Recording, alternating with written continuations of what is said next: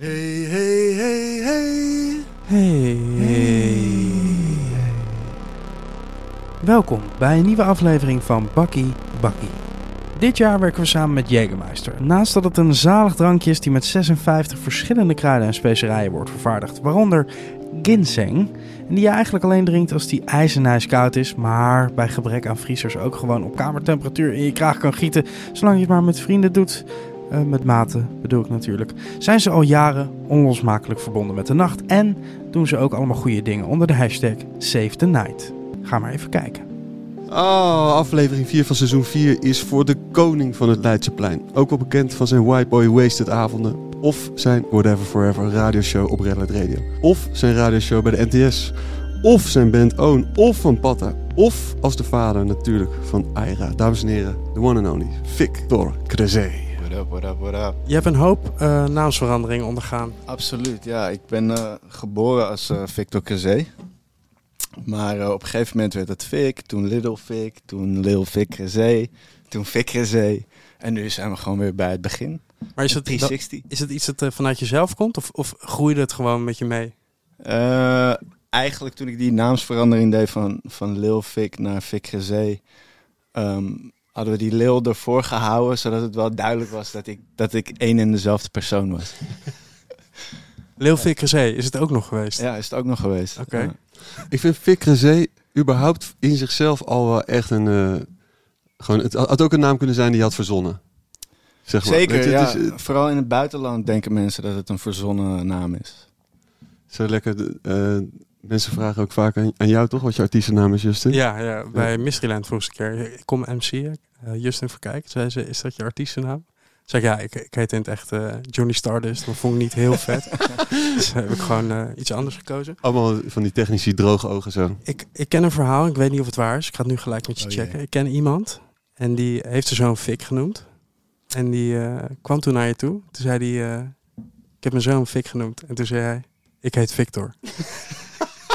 Is dat echt zo? Ja, dat, dat, dat, dat, vraag nee, ik nu aan dat jou. is niet waar, dat is niet waar. Nee? Nee, Lucas. Shout-out naar Vic. Andere Lil Vic. Andere Lil Vic. En uh, toch een kleine introductie. We hebben een nieuwe schimmige uh, man in de hoek. Heel schimmig. Uh, onze nieuwe stagiair, dit is zijn eerste dag en die heet ook Victor. Maar we hebben hem speciaal uitgekozen omdat we dus dit samen gingen laten vallen. Ja, en hij dacht dat hij uh, kwam meewerken aan een kookboek, maar hij is ons gewoon aan het rondrijden. Ja, is echt ideaal. En zijn iPhone, in zijn iPhone heet hij... Lil Vic. Ja, precies. En hij is groter dan jij. Veel groter. Um, een, een, kleine introductie waar we zijn. Uh, we zitten um, ergens diep in Amsterdam-West. Ja. Soort van? Ja, ja. Ik ja net Amsterdam-West. Okay. Oh, ja. Eigenlijk bij meer centrum, denk ik. Maar dingen die net zijn, voelen voor mij vaak al als diep. Eigenlijk zitten we in de staatsliedenbuurt. Ah. Ja. En uh, we hebben, ik denk, 14 trappen uh, zijn we bestegen om hier zo te eindigen. Minstens. Minstens. Om hier zo te eindigen op een heerlijk uh, klein zolderkamertje. Wat, waar zijn we? We zijn in mijn studiootje. Uh, eigenlijk de studio van Own. Voor voorheen had ik een studio op de Wallen. Uh, Own is de band. Own is de band die ik, uh, waar ik in zit samen met Vincent van der Waal hm. en Paul Dubois Raymond. En um, ja, dit is een oud studiootje van Vincent en daarvoor van Paul. Ja. Um, en Paul die zit met zijn compagnon uh, Mark zit hij beneden als uh, zijnde machine. Hm. Als je dat niet kent, ga het zoeken, want het is, het is echt zo, ook een stille, een stil duo wat stiekem heel veel beeld heeft bepaald. Zeker, het zijn echt pioniers op grafisch gebied ja, hier in Nederland. Ik heb dus een keer ergens gelezen dat jij al Wu-Tang luisterde toen je zeven was. Zeker, kijk, ja, ik ben. zullen we gewoon helemaal bij het begin Ja, beginnen? sowieso. Ik ben in 1986 ben ik geboren. Uh, in het centrum van Amsterdam. Op de Prinsengracht, Prinsengracht ziekenhuis. Um, dat was op een steen, uh, steenworp afstand van, uh, van mijn ouderlijk huis. In de Lange Leidse Dwarsstraat. Daar ben je sowieso wel een keer geweest, als je uit bent geweest in, in Amsterdam. aan de ene kant heb je echt al die slechte restaurants, zeg maar. Met een paar goede ook hoor, ertussen.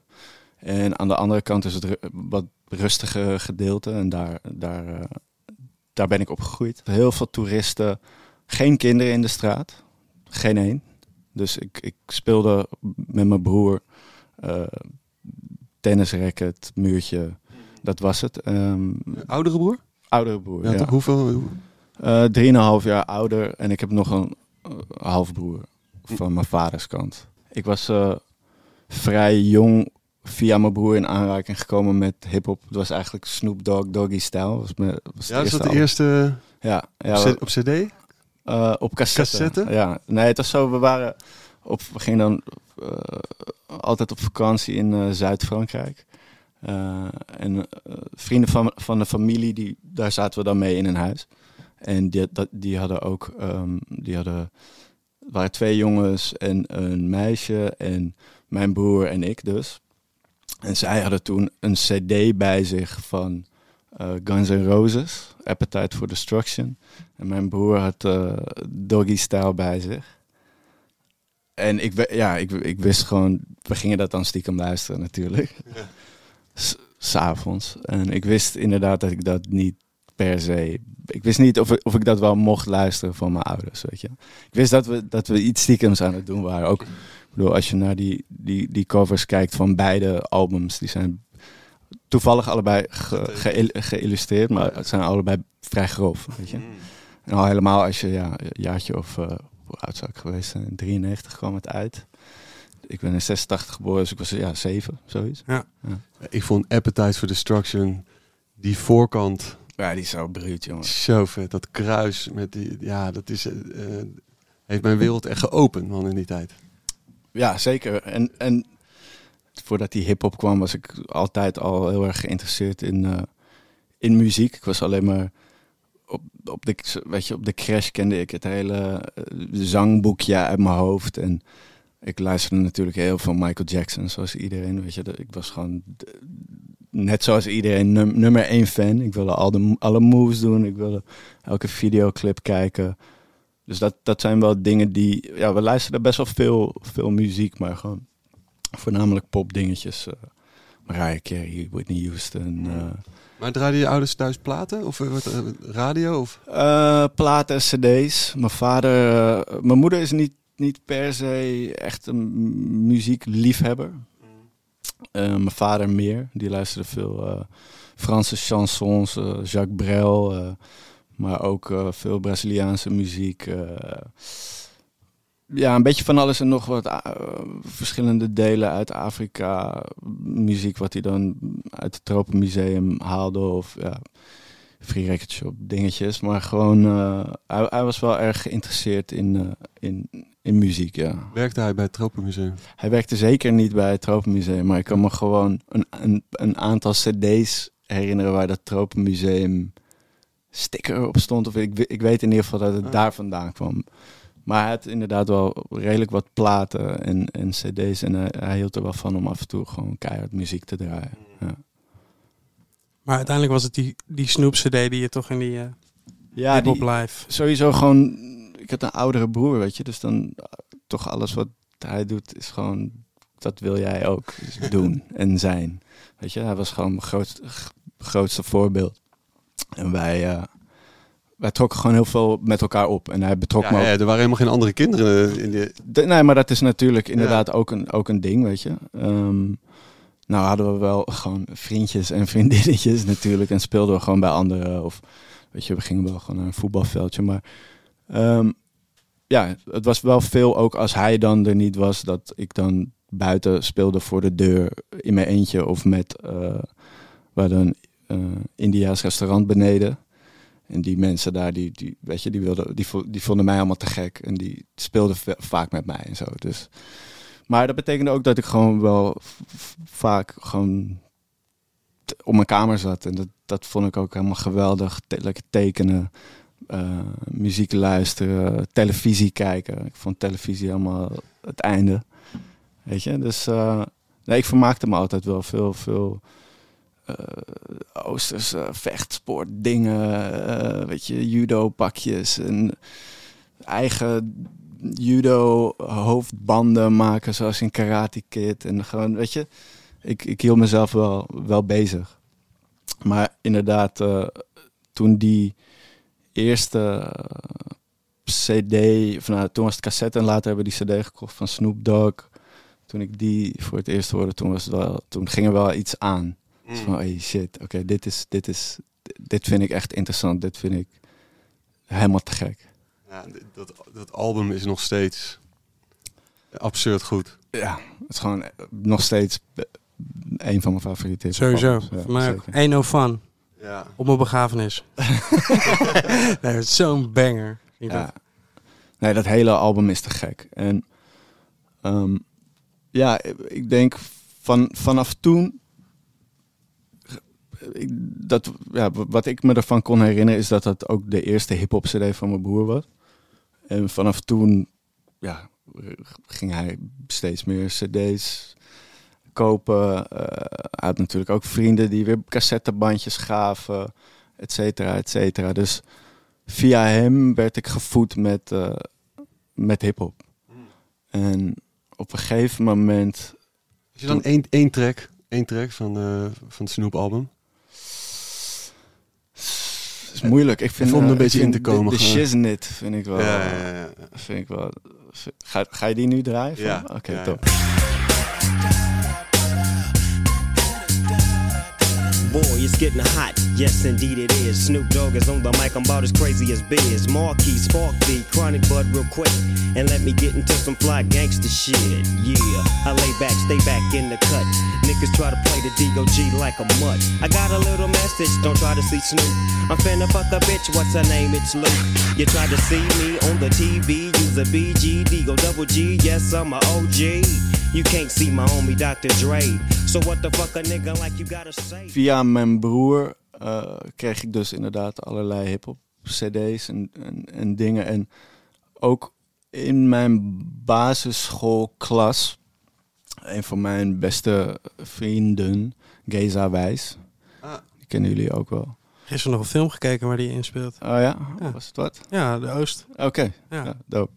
Ja, wij waren gewoon hele goede vrienden. En hij had weer een buurjongen die net... Hij is een- enigst kind, enigst kind. Maar zijn buurjongen, dat was weer zijn grote voorbeeld, basically. En die voedde hem weer met allerlei hip-hop. Dus op een gegeven moment kwam Geza... eh, die kwam naar me toe en die zei... eh, ja, we waren toen echt jong, jong. Die zei van, yo, ken je, Snoop Dogg is leuk, maar ken je Wu-Tang Clan?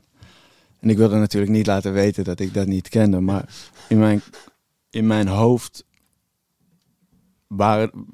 Om, ja, ik, ik had gewoon een kinderbrein die tekenfilms keek en allemaal dat soort dingen. Dus ik ging er gek genoeg van uit dat het een soort van twee clowns waren. Twee characters, Wood en Clan.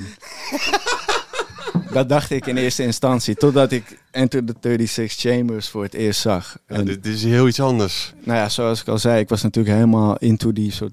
soort Martial arts. martial game. arts Ja. shit Ja, ja, en ja. rap. En alles kwam samen gewoon. Alles kwam samen. Dus toen ja, gelijk mijn moeder gevraagd of we die cd konden kopen. En ja, gewoon alleen maar die cd geluisterd. En vanuit daar, ze hadden zo'n zo'n heel booklet met allemaal thank yous, toch? Ja, ja, ja. Elke, elke naam. eh, gewoon helemaal ja, gewoon ja. in die wereld, weet je. Koptelefoon op. En gewoon die cd op repeat. Heeft jouw moeder ooit met terugwerkende kracht gedacht van wat bezielde me om een zevenjarig kind Wu-Tang Clan Ain't Nothing to Fuck With te geven? Ehm, ik denk dat ze hier en daar misschien wel twijfels heeft gehad.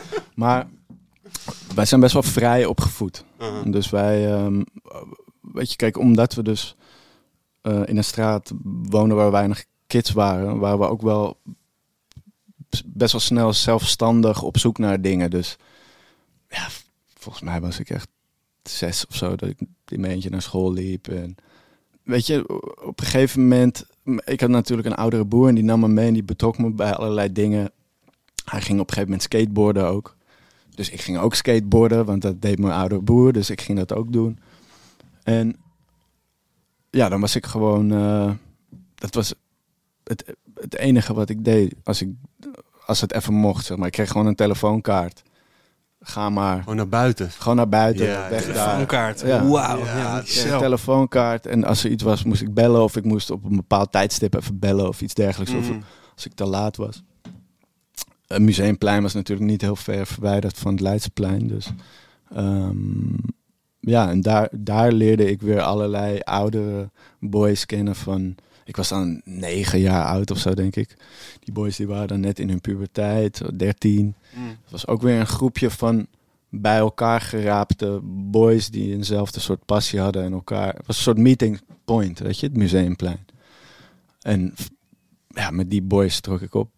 En sk- skateboarden ook, die gasten. Skate, allemaal skateboarders. Ja, dat is Ja, ja, ja. toch zo sick van, van, eh, van skateboarden op straat in de stad. Het gewoon, eh, als- als je zo'n bord hebt, dan is gewoon, ben je één, dan, dan Ja, ben, je je, maakt, ben je familie gewoon gelijk. ja, je maakt vrienden. En, en, en in die tijd waren er ook meer dan nu, denk ik, ehm, verschillende soorten subcultures, soorten groepen waarbij je aansloot. Weet je, Ja, was, je was een skater. Ja, duidelijker gedefinieerd gewoon. Je was een skater, of je was een gabber, of je was een, Een punker, een alto. alto, Ja. heette de- weet je.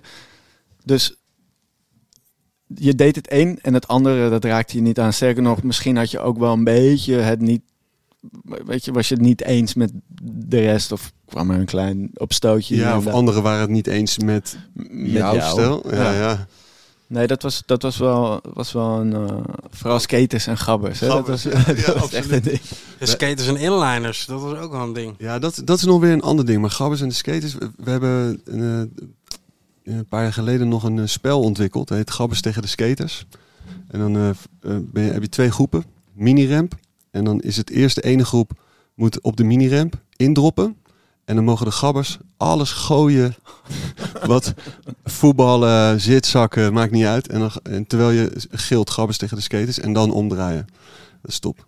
Dus dat kan ik echt aanraden. Wa- gabbers die niet in kunnen droppen en dan ook nog dingen op zich gooien. Het, wa- er waren helemaal- moesten er waren-. Er waren helemaal geen gabbers bij. Het waren, alleen, het waren gewoon alleen, alleen skaters. Nou ja, dat, dat, dat, dat waren wel echt hele, hele toffe tijden. Ehm, gewoon alleen maar buiten zijn. En ook Mm. gewoon met de oudere boys. Weet je, stoere boys. Toch gewoon, weet je, deden ook, hadden het ook alweer over onderwerpen waar ik nog niet bekend mee was. Zoals seks en dat soort dingetjes, weet je. Ja, en plekken als eh, de third floor en zo, weet je wel. Ik bedoel, Amsterdam is natuurlijk ook best wel een, een andere... Het was een andere stad dan wat het nu is. Het was veel ruiger. Ik bedoel, Centraal Station was gewoon ergens ook gewoon een no-go area, weet je. Met achter het centraal alle, allerlei prostitutie en al- allerlei ellende, weet je. Dus ik, ik weet ook nog wel eh, een avond dat ik, eh, dat ik met mijn broer en een andere jongen, Donovan, naar de third floor gingen. Gingen we eerst even bij mijn pa. Zei, De third floor is een skatepark. ja, het is een skatepark. Maar het was echt gewoon een vervallen teringzooi op een best wel loesje plek. Dus om daar naartoe te komen was ook al best wel een avontuur. En al helemaal als je negen jaar oud bent en het is, eh, weet ik veel, twaalf uur s'nachts. Er stond een gast in een, echt in een knalpaars, eh paarsroze trainingspak. Die zag mij en ik was natuurlijk gewoon een heel lief blond jongetje. En die, allemaal goud dan is, breng die float naar me en die liet toen een die liet toen gewoon een pi- pistool zien. Weet je, dat soort shit gebeurde gewoon op Centraal Station in de 90s. Hij, hij dacht bij zichzelf, ik ga eventjes... Ja, gewoon even. Even, even een beetje voeling eh, met Ja, de straat. Even een beetje, deze jongen, education. Precies. Dat soort shit. Ja, die, die tijd heeft best wel veel impact op me gemaakt. Het was wel echt een hele toffe tijd om met al die boys gewoon alleen maar op straat te hangen. En het was heel zonde eigenlijk dat, dat, eh, dat toen het hele museumplein verbouwd werd. Want zeg maar precies in die tijd leerde ik al die boys kennen. En ja, die centrale meeting point was ineens weg. En dat groepje viel een beetje uit elkaar. Want iedereen, ja, zijn ook pubers, weet je. Dus er zijn wel meer dingen dan skateboarden. En, Sommige en jongens, geen, geen mobiele telefoon om... eh, telefoonkaarten. ja, ja. Dus, ehm, dus, ja, wat ga je dan doen? Eh, weet je, ik, ik zocht naar iets anders om te doen. Skateboarden was dat, wat zou het zijn geweest? Anderhalf jaar, twee jaar of zo. Was dat gewoon de nummer één. En dat is alles wat je wilde doen. Daar leefde je voor, toch? Maar als dat wegvalt, ja, wat, wat ga je dan doen? En toen, dus zeg maar in diezelfde periode kreeg ik eh, vroeger op de op, op TMF, dat is een soort Nederlandse MTV voor de mensen die het niet weten. Dus een, De Music de, de Music Factory, een zender met, eh, waar voornamelijk eh, clips werden gedraaid. En verschillende programma's waren met clips. En een daarvan was een wekelijks programma, dat heette The Pitch. En dat werd eh, gepresenteerd door Glaze. Ehm, en op die show werden er hip-hop videoclips uitgezonden. Nou, in die tijd had je amper.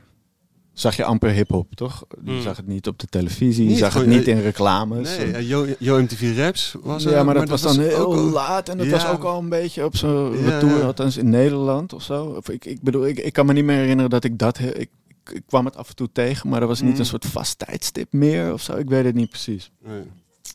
Maar ehm, ja, er was, er was geen hip-hop op de radio. Er was geen hip-hop op televisie, althans amper. Mm. Eh, dus dat was het, eigenlijk het enige programma wat ik dan ja, wekelijks opnam.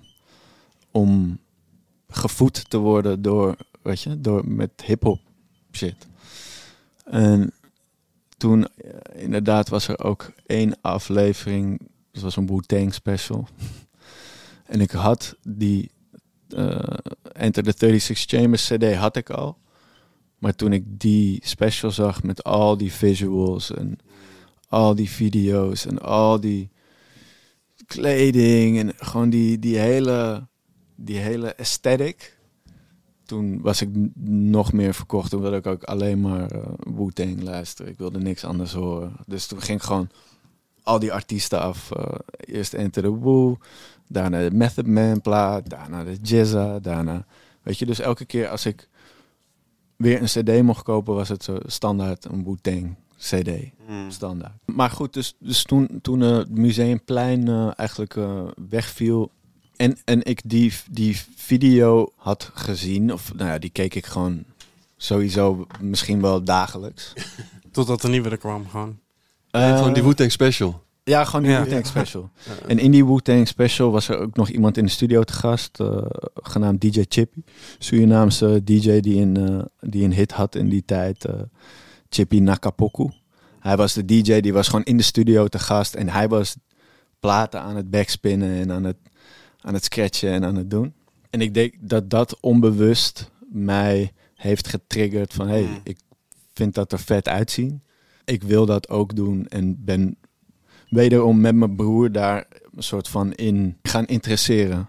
Ook omdat er natuurlijk op die Wu-Tang platen, wa- wat je hier en daar werd gescratcht en zo. En ik, ik herkende dat dan van die video. Ik wilde dat ook gaan doen. en mijn broer ook. Ja, hoe ga je daar aankomen? Dus nou ja, we hebben allebei geen geld. dus dan vraag je dat aan je moeder. Dus mijn moeder die, eh, die, die die wist wel een beetje wat dat inhield. Dus die begon in eerste instantie een beetje te lachen. Zo van ja, die- weet je, die maakte een soort van gebaar van hier heb je geld. Zo. Die, weet je, die Ja. greep zo in de lucht. Hier is alles, pak het Ja, maar. precies. Ha. Maar op een gegeven moment begreep ze dat we gewoon bloedserieus waren. Dus mijn moeder die heeft ons altijd gespoord in alles wat we wilden doen. Weet je, of we, of we nou een, bepaald petje wilden hebben. Of weet je, weet je ik ging, we gingen gewoon de hele stad door op zoek naar een bepaald petje. En dan als we dat niet vonden, dan gingen we de volgende week gingen we weer ergens vinden. Of zij ging het. Op een gegeven moment kwam ze dan een groep jongens op straat tegen die zo'n petje hadden. En dan zei ze van, yo, eh, mijn zoon wil heel graag dit What? petje. Waar moet ik zijn? En gaat ze met die boys naar die Ja, ja, ja, specifieke ja, ja, winkel dat petje halen. En komt ze thuis met dat petje. Snap je wat ik bedoel? Dus zij, zij was altijd... eh, ja, zij supportte alles. Dus toen zij door had van... Hey, ze zijn gewoon bloedserieus. Mm. Dan was van, oké, hoe gaan we dit realiseren? Oké, nou ja, jullie hebben allebei een verjaardag. Er is Sinterklaas, eh, kerst, whatever. Alles bij elkaar op één hoop. Precies, Ja. precies. Ja, mijn moeder had ook wel door dat weet je, een versterker, eh, speakers, eh, twee eh, die een bepaalde soort draai, beste van de beste draaitafel, een soort Mm. mixer. Het kostte natuurlijk allemaal net weer even iets te veel geld. Dus ze zei van, oké, eh, we gaan in de Via Via kijken. De Via Via was een krantje vroeger, een beetje Ja, zoals Marktplaats. gek. Wauw, was weer over de Via Via? De Via Via. Dus iedereen gooide dus gewoon als een rommel in de Via Via. Eh, ja, het was gewoon marktplaats, maar dan een krantje. Want je Ja. had geen internet. Hm. Dus elke volgens mij elke week kwam er zo'n krantje In, het geel. Ja, ja, zo'n Ja. heel, heel ja, zo'n geel klein. Ja, een soort goor, wel goor boekje. ja. Ja, daar stonden ook wel gore dingetjes. stonden in ook wel gore dingetjes in, ja, zeker, ja. zeker. Dus Spannend boekje vond ik het. in die via via, eh, weet je, maandenlang in een via via kijken. En op een gegeven moment stond er ja, een SL 1200 in, Technics. Eh, dus ja, bellen en naar die persoons huis toe. Die, ik weet niet precies meer waar die woonde, maar dat was een DJ zelf. Een techno-DJ. Geen idee wie het is. Als je aan het luisteren bent en je weet nog dat je de eerste SL aan, aan Vickers heeft verko- verkocht. Nou, hij werkte. Dus wij kwamen daar aan en die SL, nou ja, boem, hij, hij liet ook zien hoe dat werkte. Want ja, dat wist ik ook niet helemaal. Weet je, van ja, dit is gewoon de beste draaitafel. Hij heeft best wel, eh, dit, dit is hem. ja, Ja, ja, hij staat hier zo. dit is hem. Oh, dit, dit is hem ook. dat is hem.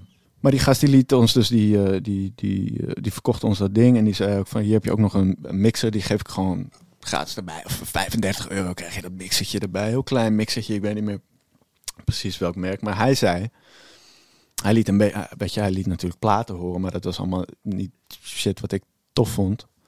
Eh, hij zei, ja, ik, eh, ik werk zelf in een plaatszaak Midtown. Dat zat op de Nieuwe Dijk vroeger. Technozaak. Ehm, en hij zei, als jij helemaal hout tot de botel verliefd bent op hiphop. Is net een, eh, niet zo heel lang geleden is er een zaak geopend op de single. Je moet daar even gaan kijken, want daar hebben ze alles wat je wil hebben. Dus, ehm, oh, en om de hoek van, eh, van Midtown zit ook een zaak waar je ook hiphop kan vinden. Dat was de Boeddhisk. Dus, nou ja, wij met, die, met, die, met de draaitafel naar huis. We hadden in de via via hadden we ook nog een andere draaitafel. Hadden we op de kop weten te tikken. Geen Technics, maar gewoon zo'n beltdrive, garen, garen, eh, garen draaitafel. Ehm, en ja, dan heb je dus een plaatspeler, maar dan heb je dus nog geen platen. Dus wat ga je doen? Nou ja, hij zegt de boeddhisk. We gingen eerst naar de boeddhisk toe. We komen daar aan. Nou, je, ziet gewoon een plaat daar hangen met een Wu-Tang logo erop. Dus dat is het eerste wat je koopt. Eh, dus mijn eerste plaat was eh, Protect Your Neck van, eh, van Wu-Tang. Mijn eerste vinyl. En vervolgens ben ik doorgelopen naar de single met mijn moeder. Ehm, want die ging natuurlijk weer mee. Ehm, en toen zijn we Beats ingestapt. En ja, daar ben ik nooit, daar ben, daar ben ik nooit meer weggegaan. Nee, dat, ik weet nog heel goed. Ik weet, ik weet niet meer wie boven zat. Volgens mij was het SP, maar ik weet niet zeker. Maar ik kwam beneden. Met, Beats was een, eh, was een zaak. Zat tussen twee coffeeshops in op de single. Het is nu een go shop. Ehm, en als je daar binnen liep, ah, ja, de hele muur zat al helemaal vol met platen. Muziek stond tering hard. Gasten stonden peuken te roken. Hadden allemaal wij ze zagen eruit zoals in de videoclips. Het rook daar altijd naar, eh, naar peuken en, eh en wierook. En in het midden van, van, eh, van de begane grond, zeg maar, zat een grote ro- roltrap. En als je dan beneden kwam, dan kwam je in een soort van kelder.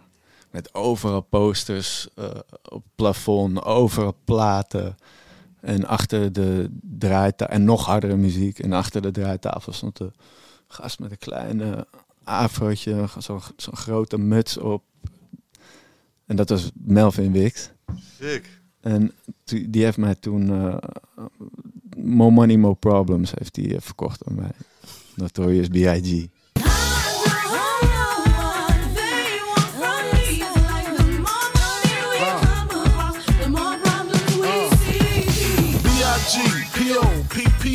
No info for the DEA. Federal agents mad cause I'm flagrant. Tap myself and the phone in the basement. My team supreme, stay clean. Triple beam, lyrical dream. I be that. Catch a seat at all events bent. In holsters, girls on shoulders. Playboy, I told ya, me and Mike to me, bruise too much. I lose too much. Step on stage, the girls boo too much. I guess it's cause you run with lame dudes too much. Me lose my touch, never that. Ja, gewoon een, een nieuw hoofdstuk. Ja, gewoon zeg maar alles, wat, alles waar, waar ik naar op, zocht, op zoek was. In, Vond je op in een paar vierkante meter Die gewoon. realm was gewoon daar. Ja, dus ja, ja. vanaf toen was het gewoon zo, oké, dit is te gek. Ik ga hier gewoon, ik wil hier alleen maar naartoe. Deze gasten zien er tof uit. Ze hebben alle muziek die ik wil luisteren. Er bestaat meer dan Wu-Tang, weet je. En eh, was je, was je niet, eh, want ik vond het ook best wel niet bedreigend, maar ik vond het ook, eh, misschien omdat ik uit een andere stad kwam, maar ook een soort spannend of zo. Zeker, het was heel spannend. Het was, het was, het was niet. ehm, er- hing wel een bepaalde attitude. Ook al, Mm. Maar iedereen, eh, weet je, als je dat een beetje doorbrak, was iedereen gewoon heel gezellig natuurlijk. Mm. Maar ja, die boys, die. die wa- was natuurlijk maar een, een. Weet je, ik kwam er later achter dan dat het allemaal DJ's waren en dat ze feesten gaven en et cetera, et cetera. Maar in die tijd was er ook maar een selecte groep. En alle soort van top DJ's in die, in die scene, in die soort hip-hop scene, die werkten dan allemaal ongeveer in die winkel. Dus die, ja, die hadden gewoon een bepaalde arrogantie ook. Heb je lang, lang nodig gehad om dat te doorbreken? Of werd je gelijk onder vleugels genomen? Nee, ik was. eh, nee, ik, ik, ik kwam daar gewoon ehm, vaak zonder geld ook gewoon staan en, en luisteren, een beetje ongemakkelijk gi- giechelen. En op een gegeven moment betrekken ze je erbij en dan vragen ze van, hé, hey, eh, wat vind je tof? En dan gaan ze je vragen stellen en eh, doe, weet je, doe, doe eens een sketchje of een ditje of een datje. En dan op een gegeven moment hebben ze door dat je gewoon heel erg geïnteresseerd bent Mm. in niet alleen die muziek, maar ook in hun. Eh, en toen hebben ze dat gewoon best wel om- omarmd. En, en dan met name Edson. Edson die, eh, die had al vrij vroeg door dat ik, weet je, dat ik gewoon bloedserieus was met scratchen en doen. En dat ik gewoon super geïnteresseerd was. En die probeerde me daar ook gewoon eh, een beetje bij te betrekken. Dus die eh, ging dan... op een gegeven moment zei hij... "Nou, Ga maar gewoon dingetjes om te luisteren natuurlijk. En af en toe kreeg ik een promootje mee. Of op een gegeven moment zei hij van... eh, hey, eh, wat doe je zaterdag? Ik zei, ja, eh, weet ik veel. Met een tennisracket, een bal tegen de muur slaan. Zei, weet je wat, je woont bij Leidseplein toch? Oké, ik moet toevallig om de hoek bij een vriend van me zijn. we gaan stickers ontwerpen voor, voor, mijn, voor mijn crew. Want hij had een crew, B-Boy Connections. Hij maakte mixtapes. Althans, hij maakte die mixtapes. En ja, hij nodigde, me uit. En hij zag dat ik gewoon ook niks te doen had, misschien. Om, eh, om stickers te eh, gaan maken. Toen kwamen we bij, eh, bij Maurice terecht, Tik, Tik Star. Eh, die woonde bij mij om de hoek. En toen hebben we stickers gemaakt. En vervolgens zijn we naar Edson's huis gegaan. En toen, de hoeveelheid platen die ik daar zag, was gewoon... Ja, toen, weet je, explodeerde mijn hoofd weer nog een keer. Eh, hij was ook grappig. Op een gegeven moment zei hij van, weet je wat? Ik, ik kwam een of andere plaat tegen die ik helemaal te gek vond. Dus oké, ik heb er drie. Ik heb er drie. Als je ze alle drie kan vinden, mag je er eentje mee naar huis nemen. Helaas niet gevonden. Wel die tweede gevonden? Ja, wel de Wel tweede. tweede, Ja, ja, hij had er maar twee. Op. Ja, waarschijnlijk. Nou, maar je moet je voorstellen, hij had gewoon hij had best wel eh, niet, niet een heel groot appartement in Amsterdam-West. En hij had geen platenkast, dus al zijn platen lagen op de grond. Ach, ja. Dus je liep gewoon, zeg maar, echt gewoon langs. Je kon maar net langs alle platen de hele tijd eh manoeuvreren. Eh, voor de duidelijkheid, Edson, Edson Sabaya, een van de oprichters van Pata. Hij, hij nodigde me wel vaker uit. Kijk, maar hij was natuurlijk. Eh, eh, hij was denk ik mid 20, hij was 26, 27 of zo. Dus ja, en, en volop. en jij was toen 12? eh, v- toen ik bij Fab Beats binnenstapte, was ik 11. Ja. 11, denk ik, ja. Ja, ja, 11. En toen was ik, denk ik, ja, 12 of iets dergelijks. En toen was. eh, ja, Ed die vroeg me wel vaker van, hé, hey, eh, wat doe je dan en dan? Voor, ik weet nog heel goed, dat was ehm, de eerste keer... had me, nee, eh, Villa 65, Dutch Masters. Dat was een eh, radio, een van de, en misschien wel de enige radio, hip-hop radioprogramma op, op FM radio. En die hadden van Mental Case, Toetal en Know-how. En die hadden hun allerlaatste show. En toen had Ed gezegd van, hey, trek je mooiste pakje aan. ik kom je zo en zo laat thuis ophalen. En dan gaan we daar naartoe, weet je. Dus ik zo, oh shit, oh, boom, oké, nou, welke, ik weet nog, ik had een Pelle Pelle t-shirt of zo, dat vond ik helemaal te gek, dus ik had die aange, aangetrokken. En eh, ik wachtte, wachtte met mijn moeder, weet je, van, ja, hij komt zo, komt hij me ophalen. Allemaal in spanning en ja, het duurde maar, het duurde maar. En op een gegeven moment dacht ik van, ja, is het gewoon vergeten, weet je. Oh, fuck. En je had ook geen mobiele telefoons of zo. Ik had wel zijn, zijn huistelefoon. Maar ja, hij was natuurlijk ook gewoon 27 en gewoon in de prime of his life. Ja. Is hij nog steeds overigens. Maar eh, eh, dat was wel zo'n momentje van, hey shit. En toen had hij me de volgende dag gebeld. Hey, sorry man, bladibla. Oh, sorry, laatste, laatste File 65 show niet naartoe geweest. Nee, niet naartoe geweest. Ah, ik heb hem nog wel op cassette. Oh ja? Ja, Ja. ik ook. Ik Ja, ook, ja? want ik heb natuurlijk gewoon heel sad heb ik het gewoon zitten, gewoon, lu- zitten luisteren. Ja, was tof met allemaal optredens, merch man. en allemaal dingen. Geel met rode spuibers heb ik hem geveet. Maar even om inderdaad terug te komen op die vraag over mijn moeder, of ze, of ze, of ze nou wel helemaal eh, zeker van de zaak was dat ik allemaal dat soort dingen maar mocht doen en zo. Op een gegeven moment, dat, aangezien ik zo vaak bij Fat Beats was en zij daar één keer was geweest, eh, begon ze mij ook wel vragen te stellen van, hey, wat doen die boys daar Ja. allemaal? Is het wel allemaal gezellig? Waarom ben je daar zo vaak, weet je?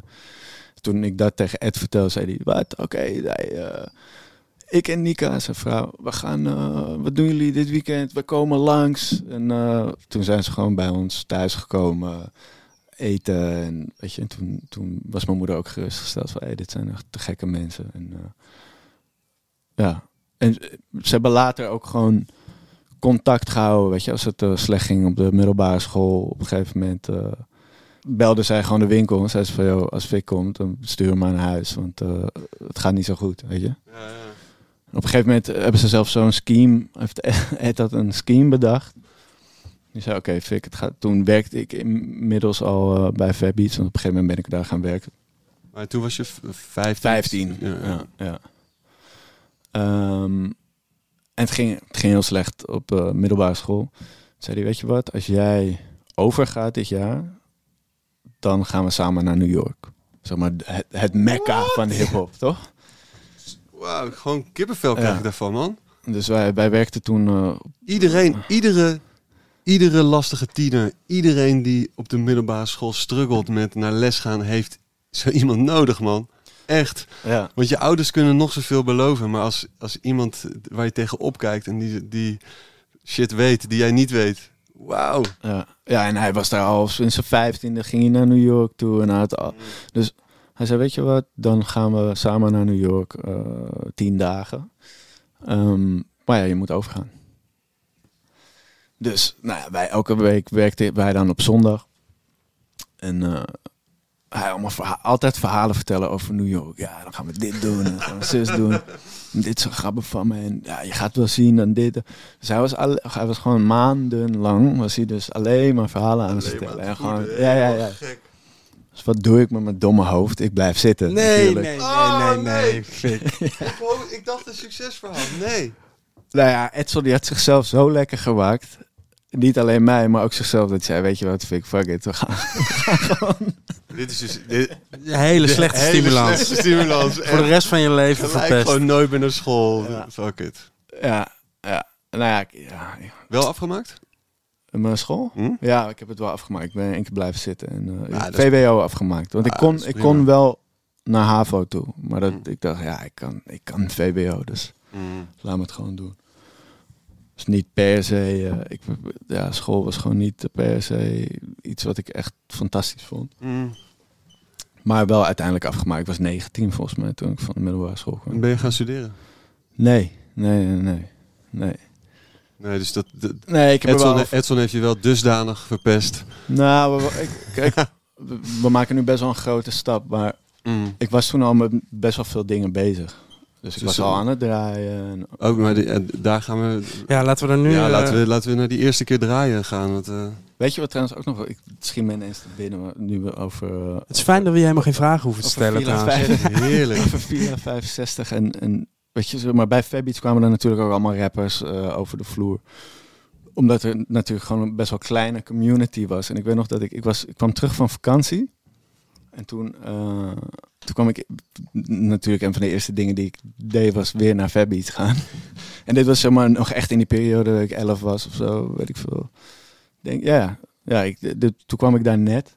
Ze zei, Fik, waar was je nou man? We zochten je overal, we hebben gebeld en dit, dat. Ik zei, ja, ik was op vakantie. Shit man, gemiste kans. Uh, Extins, die, uh, die had een, heeft een videoclip opgenomen met uh, de, een soort soundmix show, uh, mini playback show thema. Oh, en jij, we wilden dat jij een van die kids was. Nee. Ja, ja balen. Oh. Ja, dat was heel, heel zuur was ik daar. Mm. Ja, Pat had net dat, eh, dat extend shirt en, eh, en fles uitgebracht. 360 toch? Ja, man. Ja. Spraakwaterlessen dorst. Maar goed, dus toen, toen ik, ehm, toen werd, eh, we, we zijn toen naar New York gegaan. Toen was ik 16. Ik was inmiddels wel al aan het draaien. Eh, Bedoel je inmiddels al aan het draaien? Gewoon echt... in- eh, nou, eh, de eerste, de allereerste keer, even kijken. Ik draaide wel hier en daar op gewoon een klassefeestje of een dingetje, maar niet echt een officieel schoolfeest of zo. Ehm, maar op- underground schoolfeestjes. Ja. Eh, ja, nou ja, ja, ja, toch wel. Want ja, bij, bij eh, Fabbeats was dan een hip-hop speciaalzaak, maar het was wel heel erg in de backpack, underground, niche eh, afdeling van de hip-hop bakken, zeg maar. Dat was, dat was waar het daar best wel om draaide.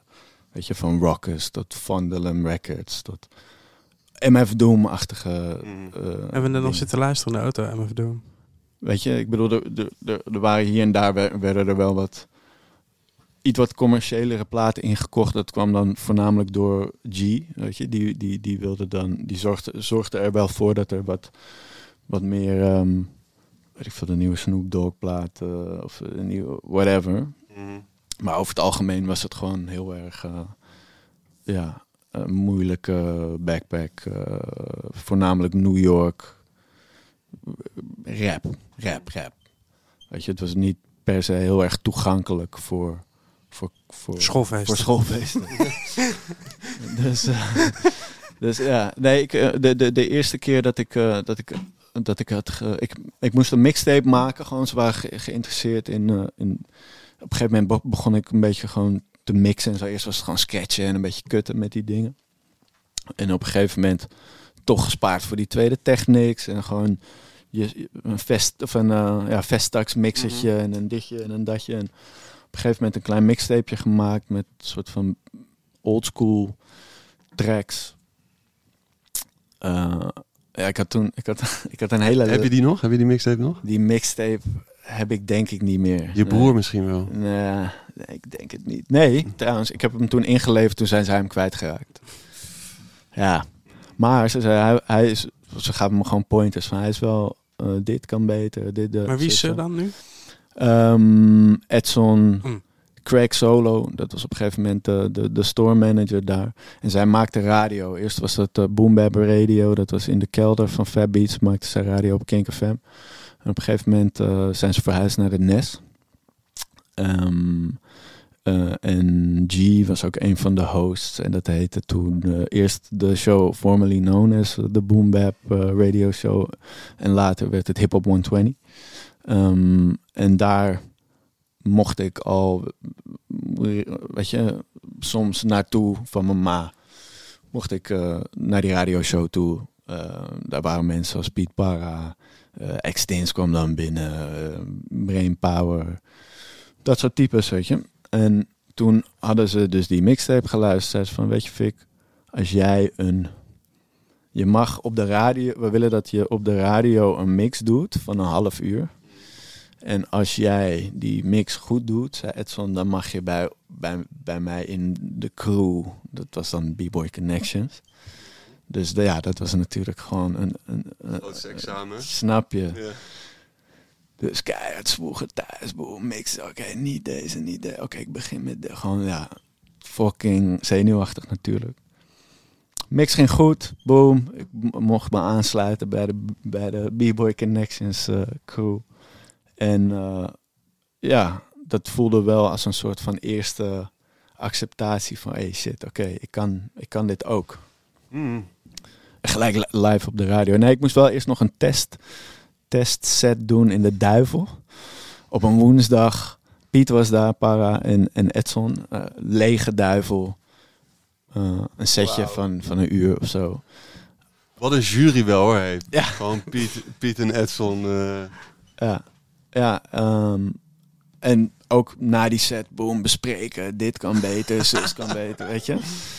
Set gedaan, boom. En toen voelde ik me e- eindelijk zo, oké, ik kan dit. En weet je, ik kan dit nog serieuzer gaan nemen. En ik, weet je, het is niet voor niks dat ik gewoon uren in mijn kamer deze shit aan het doen ben. Ik vind het te gek.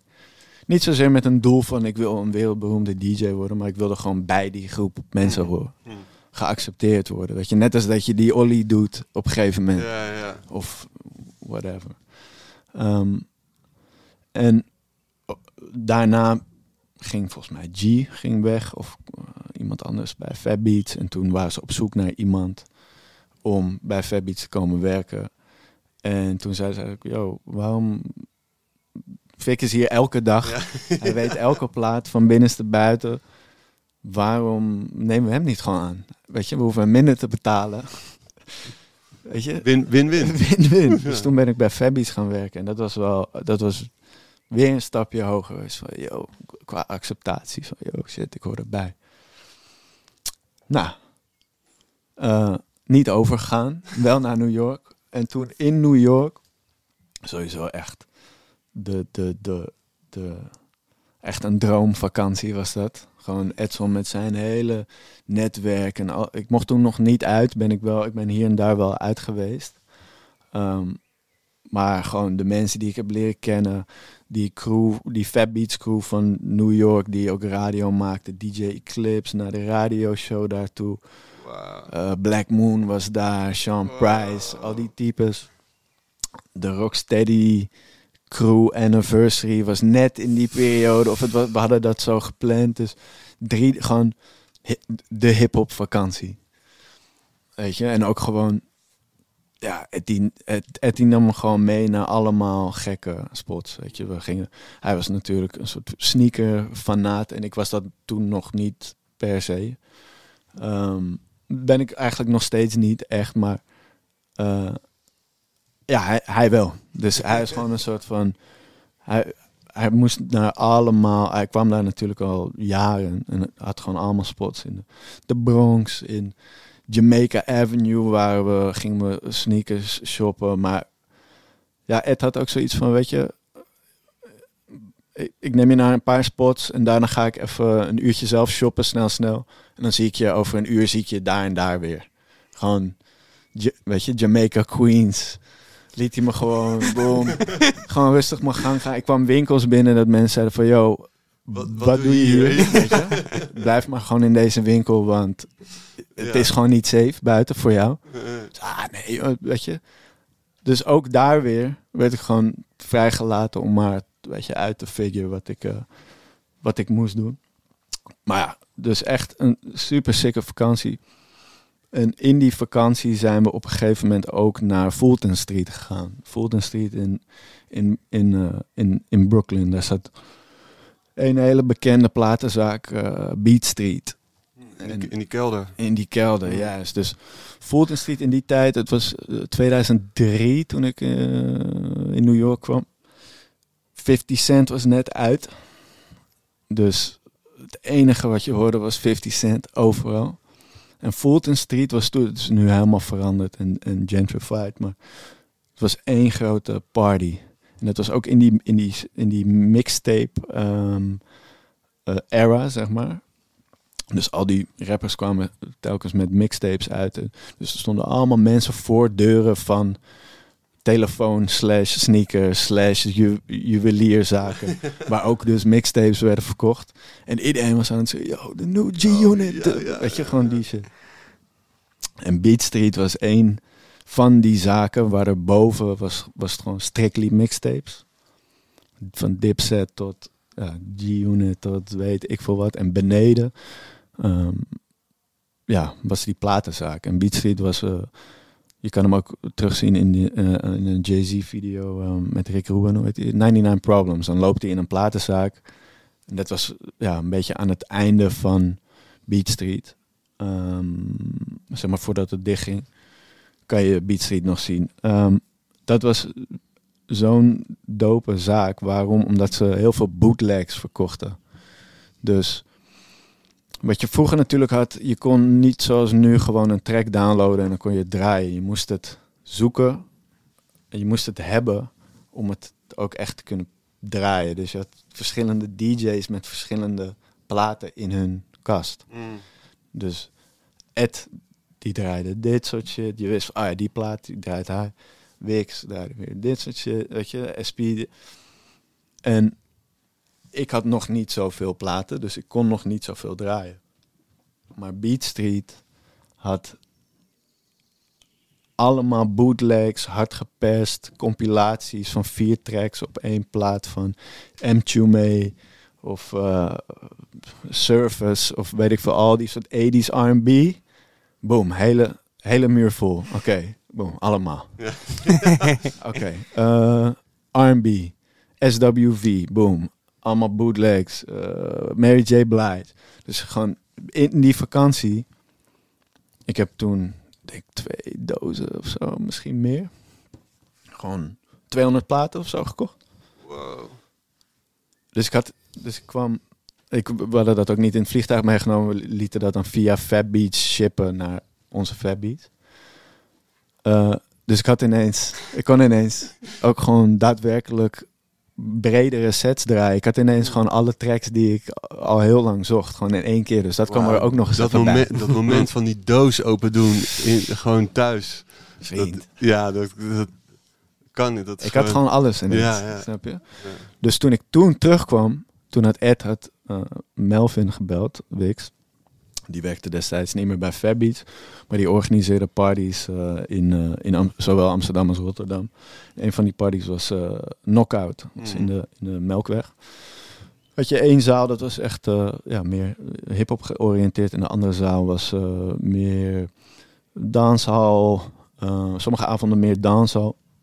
Had je gasten als Waxfiend en Precise die draaiden. En sommige avonden meer ehm, jungle. Werd georganiseerd door Chaos en eh, El Dopa. Ehm, dus Eddie had Wix gebeld van, yo, hij is, hij is er klaar voor. dus ik, ik, ik had, eh, daarvoor had ik wel al gedraaid eh, op, op, op Fab Beats feestjes in de Matzo. Deden ze maandelijkse feestjes daar. Op de Roosgracht. Ehm, dus daar, had ik, weet je, daar, daar had ik wel al een beetje geproefd van hoe je wat je wel en niet kon doen. Weet je, ik mocht daar dan indraaien en dan inderdaad misschien aan het einde nog eventjes of in het midden eventjes. Wanneer is indraaien opwarmen geworden eigenlijk? Ehm, dat is maar net hoe je het doet. Hè. Ik bedoel, indraaien. Indraaien kan je. Warm draaien, dan doe je het goed. Maar als je indraait en je draait niet warm, dan is het, dan is het niet zo goed. Maar indraaien, die term is er gewoon niet meer, toch nu? Eh, Nee, misschien ah, dat, niet. daar heb ik nooit over nagedacht. Dat is het voor, toch niet voor meer? mij is het één pot nat. Ik moet even indraaien. Warm draaien. Ja. Het is, het is, het is, ja, het is echt een, Openen. een hele belangrijke task eigenlijk. En het kan echt een avond heel, heel doop maken. Maar ik, ehm, ik, ja, het was wel echt een belangrijk ding. Vroeger ging je ook naar een party toe waar je moest draaien van begin tot eind. Mm. Weet je? Het, was gewoon, het ging allemaal om die party. Mensen kwamen naar die party toe van het begin tot het eind. Dus het was veel meer een soort muzikale ja, ehm, soort tocht, weet je. Je doet met z'n allen, ben je, je begint gewoon wat zwoeler of wat, wat, wat meer warm, inderdaad, weet je. Dat, dat was een van de eerste dingen die Melvin of, of Ed tegen me zei van, joh, belangrijkste is met indraaien is dat je de vrouwen aan het dansen krijgt. Want als de vrouwen gaan dansen, gaan de mannen ook dansen. En dan kan het feest beginnen, weet je. Dus zo, zo heb ik het altijd benaderd. Weet je, je begint met die meer 80s R&B-achtige dingen. Mhm. En zo bouw je het op naar gewoon gewelddadige rapmuziek. weet je?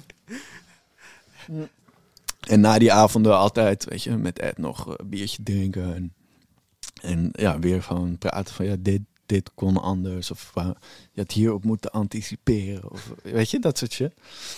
toen op een gegeven moment Melvin gebeld van ja, hij is klaar voor. En toen begon ik echt, echt een beetje echt te, ja, te draaien. Weet je, dan draaide ik eh, eens in de twee maanden of zo bij een knockout. En dat, dat was. Weet, weet je nog een, een, een banger die, zeg maar, die jij als enige had uit New York?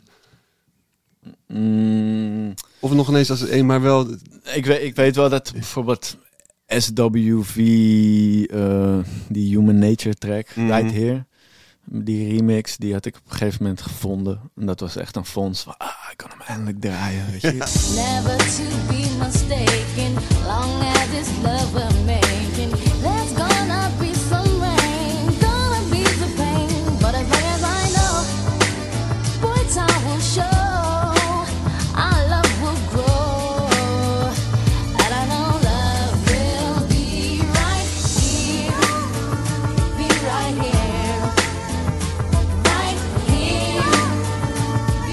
In New York elke keer, want ik ben er daarna ook vaker geweest. eh, ook met Edson. Ook nog gedraaid met Edson. Dat is ook nog een, eh, een topverhaal, maar daar kom ik straks wel. Eh, er, was altijd, er waren altijd bepaalde tracks die uit auto's kwamen. En die waren dan niet per se de tracks die misschien thuis hoorden in de underground hip-hop feesten waar we draaiden. Maar ja, dat, dat, dat is gewoon de soundtrack van je. Dat was de soundtrack van je vakantie, toch? Dus Mm. de- dat is gewoon de, de track. Dus die nam Lumi D bijvoorbeeld. Ja, ja. Oh, oh, oh.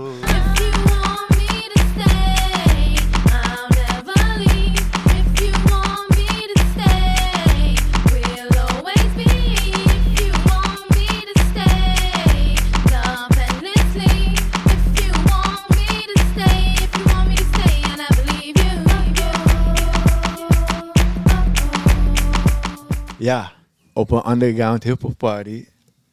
Misschien een beetje gek, maar ja, wij gingen dat dan toch ook wel daar draaien. En ik denk, Edson was sowieso iemand die bepaalde, eh, een bepaalde selectie had. En het op een bepaalde manier bracht dat iedereen sowieso gewoon uit zijn ha- handen had. Ook al, weet je, hij zette je ook soms op het verkeerde been, maar het kwartje viel zo goed altijd dat het gewoon, Ja, hij kreeg Ed- gewoon iedereen mee. altijd. Edson en Wix hebben dat allebei, vind ik. Zeker. Op de een of andere manier een, soort eh, een slow jam in één keer, de- terwijl dat je toch erop gaat dansen, terwijl als je hem thuis dan opzet, Snap je? Ja, het is maar hoe je hem brengt. hè. Ja, context gewoon. Hè? ja, context gewoon, ja, Ja. ja.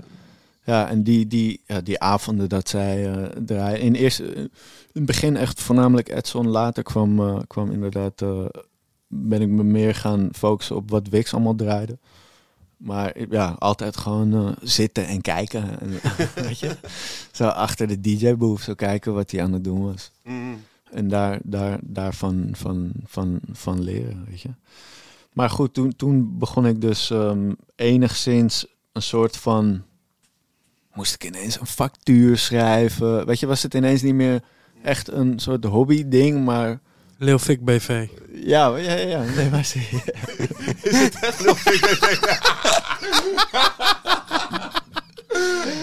Eh, eh, ja, nu is het BV. maar Het klinkt zo- Fik. het klinkt allemaal goed. Toen was het Lil Fik. Maar ehm, ehm, Het werd gewoon serieus, het werd een soort... eh, ja, nee, het Ja, ja. was ineens van, hé, hey, wacht eens even, ik kan hier ook gewoon geld mee verdienen. Ja, toen begon het ineens toch gewoon een soort van soort vormen aan te nemen. En, en begon ik me ook meer, ja, je, je, gaat gewoon steeds meer, eh, je wordt, je gaat, je, je gaat, je wordt steeds beter ook, want je bent uren aan het maken en je bent Mm. steeds meer, ehm, ja, je hebt steeds meer avonden eh, die, en je, je weet steeds meer wat je wel en niet kan doen, hoe mensen reageren, op welk moment je dit wel kan doen. Dus, dus zo. En je zat nog steeds op de bron, want je werkte ook nog bij Fat Beats. Ik niet? werkte toen nog bij Fabeats, ja, en ik zat ook nog op de middelbare school. Ehm, dus dat kwam er dan af en toe tussendoor. Dat was dan wel in het weekend. Eh Fabeats. Op een gegeven moment gingen er een aantal mensen weg. Eh, Edson en G, die zijn begonnen Patta. Eh, Craig is weggegaan. Ehm, de radio stopte. En Fabbeats werd gemanaged door twee eh, gasten die er al werkten. Maar ik merkte dat er, er, er, er werd ook het ging ook. Fatbeats ha- hield constant een beetje zijn hoofd net boven water. Het ging, nooit super goed, weet je. Dus er waren altijd al schemes om, om, om geld te verdienen. Ehm, maar op een gegeven moment werd er ja, toch kregen we steeds meer druk van dat we bepaalde platen moesten eh, meer moesten draaien, meer, moesten, meer op moesten focussen. Ja, het ging op een gegeven moment ging het gewoon, vond ik het zelf minder leuk. Er werden dan feestjes gegeven, maar het werd dan, ja, er was gewoon te veel druk vanuit de States. Terwijl we hier in Amsterdam zaten en toch, ik had het idee dat we meer ja, moesten doen waarvan wij zeker waren wat tof was hier in Amsterdam. En niet zozeer het laten dicteren door ja, daar, omdat we bepaalde platen moesten verkopen. Dus dan moeten we ook een bepaalde act boeken. Maar hip-hop werd ook groter. Dus mensen konden het ook weer op een andere plek vinden, Z- misschien. Zeker, hip-hop werd groter. ehm, en het werd, ja, precies. Door bijvoorbeeld de box hier in, in, in Nederland op een gegeven moment. eh, hadden ze hadden platenmaatschappij ook door van hey, wacht eens even, er wordt alleen maar hip-hop aangevraagd Mhm. eh, in de rand. Of weet je, gewoon op de box. Dit is, de, de box was een, een, een televisiezender waarin je eh, een telefoonlijn kon bellen en een bepaalde code in kon. Je had een hele lijst videoclips die je zag, allemaal codes en nummertjes met de titel van de video erachter. Eh, die kwamen de hele tijd voorbij in het scherm terwijl je naar een muziekvideo aan het kijken was.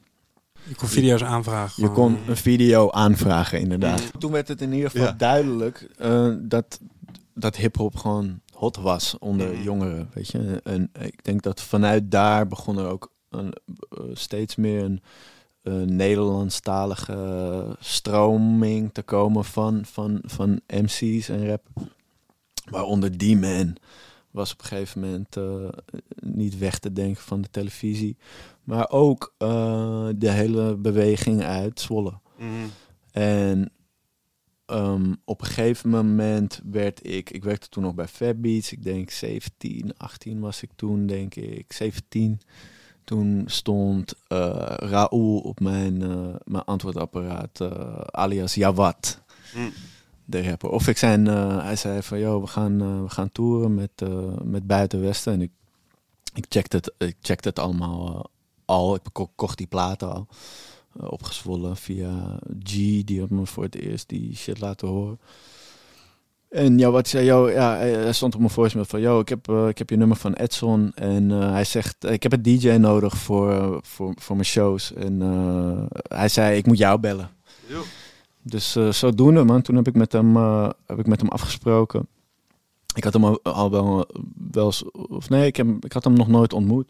Ik heb hem toen, eh, toen met hem afgesproken, ontmoet. Toen hebben we gewoon een beetje, heeft hij me een cd'tje gegeven met, eh, met allerlei tracks die hij wilde optreden. En toen hebben we een soort van, heb ja, nee, hij zei gewoon, we gaan dit en dit en dit doen die avond. Dat was een buiten, de eerste buitenwestenavond in de Melkweg, wil ik zeggen.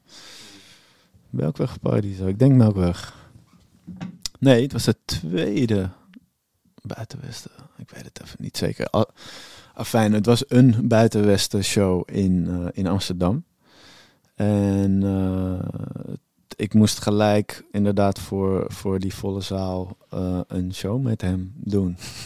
Ja, best wel een legendarische reeks is dat geweest. Ja, ja, ja. Ja. Va- Van, ik heb hem in Den Haag gezien, volgens mij. vanuit, vanuit daar ben ik gewoon meegegaan met die hele Die tour. buitenwesten tour.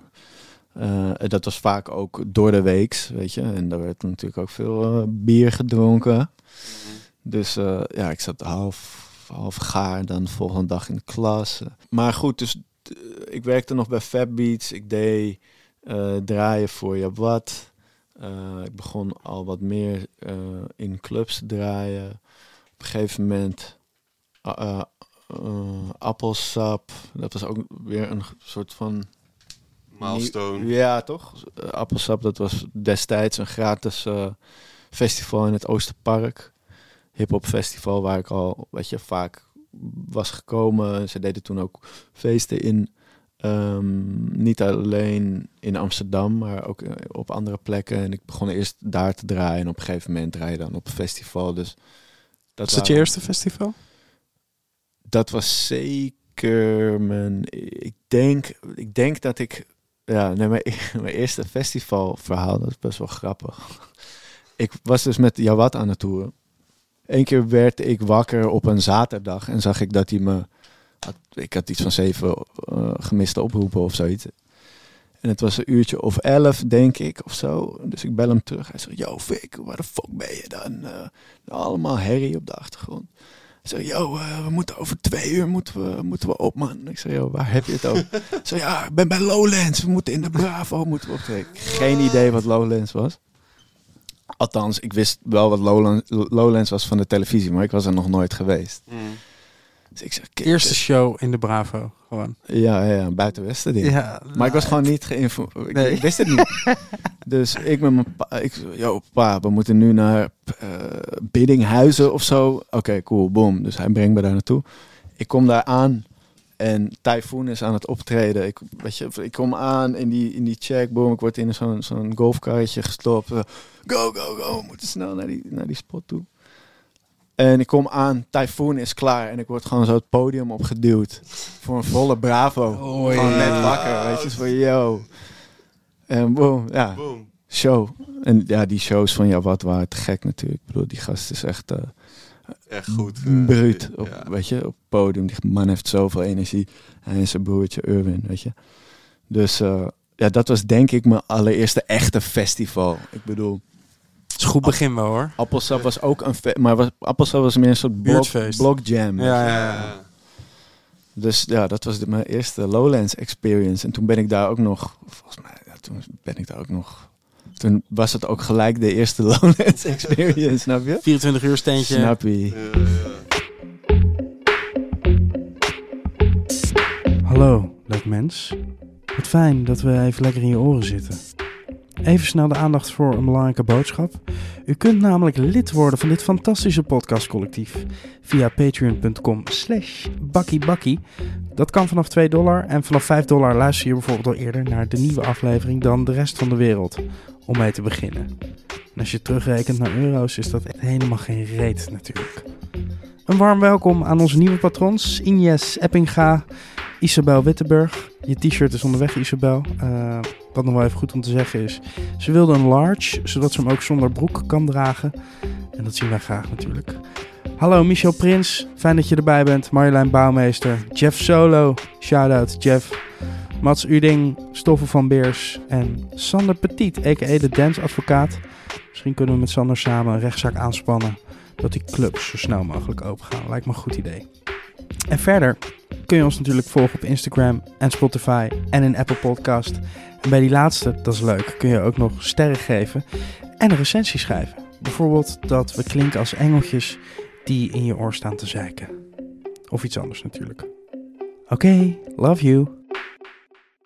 Als ik een klein sprongetje mag maken, wanneer, wanneer was de eerste keer dat je eh, uit die hip-hop soort groeide of dat de elektronische. de- de- is, daar, is daar echt een, een breekpunt geweest? Of Ja, daar is, zeker, er is zeker een breekpunt geweest. Kijk, er, er waren wel al. Ik, ik, ik, ik weet sowieso. De eerste keer dat ik iemand geen rap hoorde draaien. waarvan ik dacht van hé, maar we draaien toch rap. dat was eh, die B-Boy Connections mixtapes van Edson. Die gingen echt van popdingen naar samples van rockplaten. Naar, dat, waren, ja, dat, dat waren echt mijn grootste inspiratiebronnen. dat was gewoon. Dat, dat was gewoon een mixtape-serie. eh, waarin hij mixes maakte van allemaal verschillende soorten muziek. Waar, waaronder voornamelijk gewoon eh, rapmuziek. Maar van oud tot nieuw. Vanuit daar ben ik ook helemaal me gaan interesseren in die wat meer oldschool rap shit. Maar daar zaten ook gekke ja, poptracks tussen. Of disco of funk. Of, of gewoon dingen die ik in eerste instantie niet eh, shout. Weet je, let it Mhm. out, dat soort dingen. Dus daarmee, daar maakte ik al kennis met dat soort dingen. En ook gewoon met hoe je een soort verhaal kan vertellen in een, in een mix. Hij gebruikte allemaal skits en hij noemde zichzelf Barba Papa. Dus er waren allemaal skits van Barba Papa. Maar er waren ook skits van televisieshows die hij had opgenomen. Hij had een, een recorder bij zich op straat. Dus hij nam af en toe mensen op. hij had een antwoordapparaat wat hij afspeelde en daarover eh, een, een, een beat backspinde. Weet je? Dus dat was gewoon een soort, soort kleine wereld die hij elke keer ehm, maakte met die mixtapes. Dus het was ook echt highly anticipated als er weer een Edson mixtape uitkwam. Dus dat was mijn, mijn eerste kennismaking met daar, daarmee. En ja, het werken bij Fat Beats, dan draai je natuurlijk wel hip-hop, maar ook binnen dat, dat spectrum, eh, dus die samples of de, de breaks en de, weet je, de R&B dingen en meer de, eh, die, die, die, die boogie shit en zo. Maar echt, het, echt het eclectische kwam, denk ik, toen ik op een gegeven moment, eh Raoul en ik, eh, ik was niet meer zijn DJ. Weet je, we hadden een soort van dingetje gehad en eh, we waren gewoon even niet meer cool met elkaar. En toen was ik ook net klaar met school. Fat Beats was gestopt. Ik draaide ook minder en zo. En er was gewoon even zo'n zo'n klein dalletje. Ik dacht van, hey shit, hoe, je, wat moet ik nu doen? En toen ben ik een keer gewoon heel bij de hand ben ik, eh, heb ik Wix bij zijn kraag gegrepen in de flexbar volgens mij. En toen heb ik tegen hem gezegd van, hey, eh, je doet die avond in de Jimmy, hoezo, draai ik daar dan niet eigenlijk? Wat is dat voor een onzin? En zo, ja, wil je draaien? Kom dan. Gewoon mad enthousiast, weet je. Dus vanaf toen ben ik eh, eigenlijk direct eh, ben ik bij eh, ben ik in de Jimmy Woo gaan draaien op de donderdagavond. eh Wix deed daar een avond eh Woeha samen met Tom Trago. En eh, een x aantal andere types draaiden daar ook vaak, zo- zoals Basement. En daar ehm, eigenlijk is toen mijn. Ik kende Wix natuurlijk al sinds ik een kleine jongen was, maar toen is mijn vriendschap meer vorm gaan nemen met hem. En ook met Mo. Mo manager, Mohamed Gabri, die, eh, die was de MC van die avond. En tijdens die avond, om even terug te komen op je vraag, werd er vrij eclectisch gedraaid. Van Neptunes tot de nieuwe Baltimore tracks, tot eh, Justice, tot... Weet je, er gebeurde gewoon best wel veel in die set. Snel werd er ook gedraaid. Voor mijn gevoel altijd. Snel veel platen of zo. Weet je. Veel energie Veel gewoon. energie. Maar ja, dat is En je, de- de- Melvin gewoon. Melvin De allerhipste spot was het op de, dat moment. De toch? allerhipste spot, maar wel... Shanty aan de deur? Is dat Ja, toen al? ja, ja, ja, zeker, zeker. Ehm, eh, zeker een hele hippe spot, maar wel gewoon qua muzikaal was het heel, was het heel dope daar. Zeg maar, los van de Woeha-avonden van, van Melvin deed Antal volgens mij daar ook een avond. En zo, er stonden best wel een paar hele toffe, toffe avonden. Ehm, en de sound system was te gek. En die, die, weet je, het was gewoon een nieuwe dimensie. Die licht, licht was kom te op gek, man. Ja, ja. Wel veel licht, toch? Of ja, niet? maar het ging wel aan en uit. de Het ging aan en Ja, uit en het was gewoon en het was het was gewoon ja het was gewoon ook een het was een beetje fout maar ook gewoon wel sexy en ook gewoon weet je ja ik weet niet Heel gewoon- sexy. Was gewoon ehm, en, en en en die boys die draaiden gewoon best wel ik bedoel Kid Sublime die draaide er dan ook wel eens eh, maar ook Tom Eh, dit was dan net iets van net iets voordat ik daar dan ging draaien en ze ze draaiden gewoon best wel een interessante eh, mix van tracks. Dus ik ben daar toen gaan draaien één keer, twee keer in de maand of zo. En ik denk dat toen begon mijn vriendschap met Mo. Hij begon Mo Manager, daar heb ik me bij aangesloten. Ik ben toen uitgenodigd eh, bij, hun op kan, bij Mo op kantoor. Hij, deelde toen een, kantoor met Vincent van der Waal op de, ehm, op de Rozengracht. Een soort, soort, soort pand wat helemaal, uit elkaar, wat helemaal uit elkaar viel. Maar heel gezellig was het via Melvin maakte ik kennis met die soort meer, ja, soort van hippere nieuwe geluiden uit inderdaad Frankrijk en, en Baltimore. Eh, weet je, hij boekte ook gewoon Diplo en dat soort types in de, in de Jimmy Woo. En via weer een andere groep mensen ehm, kwam ik meer in aanraking met meer rockmuziek. Dus Piet kende ik natuurlijk al sinds ik klein was. Eh, en Vos en al die boys, 100% vooraan, die, zij deden een avond in de Bitterzoet genaamd Huiskamer Hits. En daar, werden, daar werd gewoon gedraaid door mensen die geen DJ's waren, maar wel een toffe. of geen DJ's tussen aanhalingstekens waren. Ze konden niet mixen en het was niet volgens het boekje. Maar eh, daar werden gewoon hele dope rock en punk en wave en pop tracks gedraaid. Wat in eerste instantie voor mij ook raar was. Piet, ben je nu, wat is dit, rock? Wat, hè? Ik snap er niks van. Maar Bitterzoet was eh, destijds eh, was de vrouw van Edson, was een van de eigenaren, Nika. En het was gewoon, G stond daar achter de bar. En het was gewoon een plek waar ik heel vaak was. Dus ongeacht wat voor een avond er was. En dat was een avond georganiseerd door mensen die ik kende. Ehm, en dus daar raakte ik al enigszins gewoon bekend met dat soort geluiden. Ehm, maar toen ik echt, ehm, toen echt het kwartje viel, was toen ik een, een keer met Wix en Mo eh, in de auto zat en we gingen naar een opening van de Rex. Kan dat in Utrecht? Kan dat? Heet dat zo? Heet die tent zo? Oh, een, tent van eh, van Casper ook, van de Jimmy. Dus uh, Wix moest daar draaien. En zij draaide toen hun nieuwe Parasound System mixtape. Parasound System was een... ehm, was eigenlijk een soort collectief wat is per toeval eigenlijk is be- begonnen door ehm, een Piet werd gevraagd om te exposeren in Zwitserland. En de boys die die expo ehm, organiseerden, die wilden daarna ook muziek. Dus Piet zei, nou ja, we komen uit Amsterdam, weet je, dus gewoon een goede eh, DJ-cultuur hier gaande. En weet je, echt kwalitatief goede DJ's. Ik neem er, ik neem twee DJ's mee en ik draai zelf ook wat platen. En ik heb ook wat boys die eh, hosten, namelijk Mo en G. Dus het was Piet, Mo, G, Wix en Tom Trago. Die waren allemaal meegenomen naar die een expositie. drie- dreamteam, hè? Wat gewoon toevallig, s- soort van toevallig... eh, Precies, en die Ja, begonnen man. dus daar voor het eerst met elkaar op die manier onder die noemer, pa- ja, we noemen het dan Parasound System. mm, Begonnen ze te draaien en vanuit daar is een soort hele, ja, een soort mixtape serie. eh, weet je, die avond was zo dope, dus ze kregen daar een residentie in, in, in Zwitserland.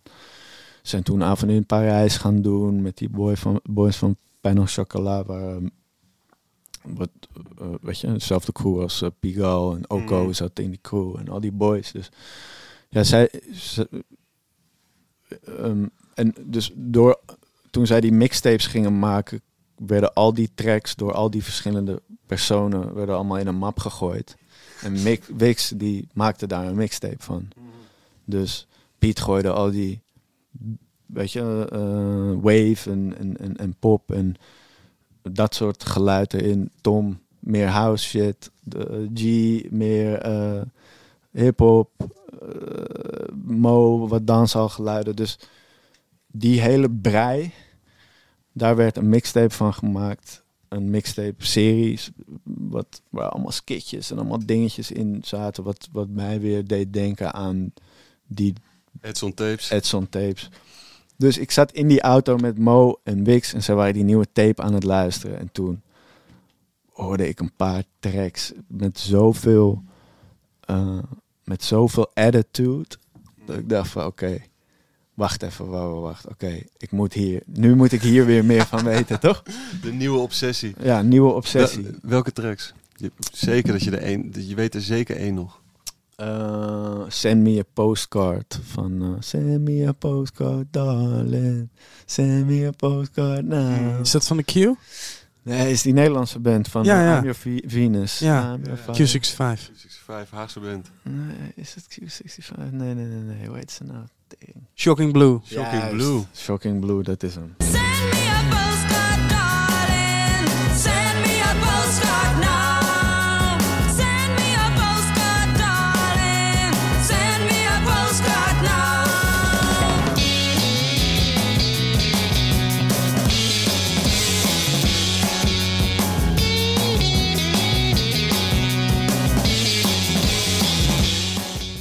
Viel ineens dat kwartje. Toen ging ik naar, weet je, die, toen begreep ik ook ineens beter wat Piet en, en, en Vos en zo allemaal aan het draaien waren. Ik kende die boys toen nog niet zo goed en op een gegeven moment, ja, dan raak je gewoon bevriend met die gasten. Mm.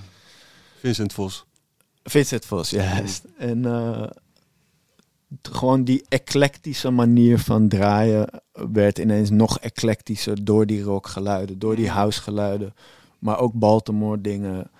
Ja, dat was gewoon, eh, dat was wel echt een eh, next level experience voor mij om naar die tapes te luisteren. En nog een paar putten om in te verdwalen. Ja. Absoluut, Ja. zeker. En eigenlijk is eh, Whatever Forever eh, een soort samenkomst van al die dingen. Die skits, die movie skits, Absoluut. hip-hop, zo'n hele obscure dingen, Nederlandse dingen. ja. Ehm, echt Ja. een, een verhaal.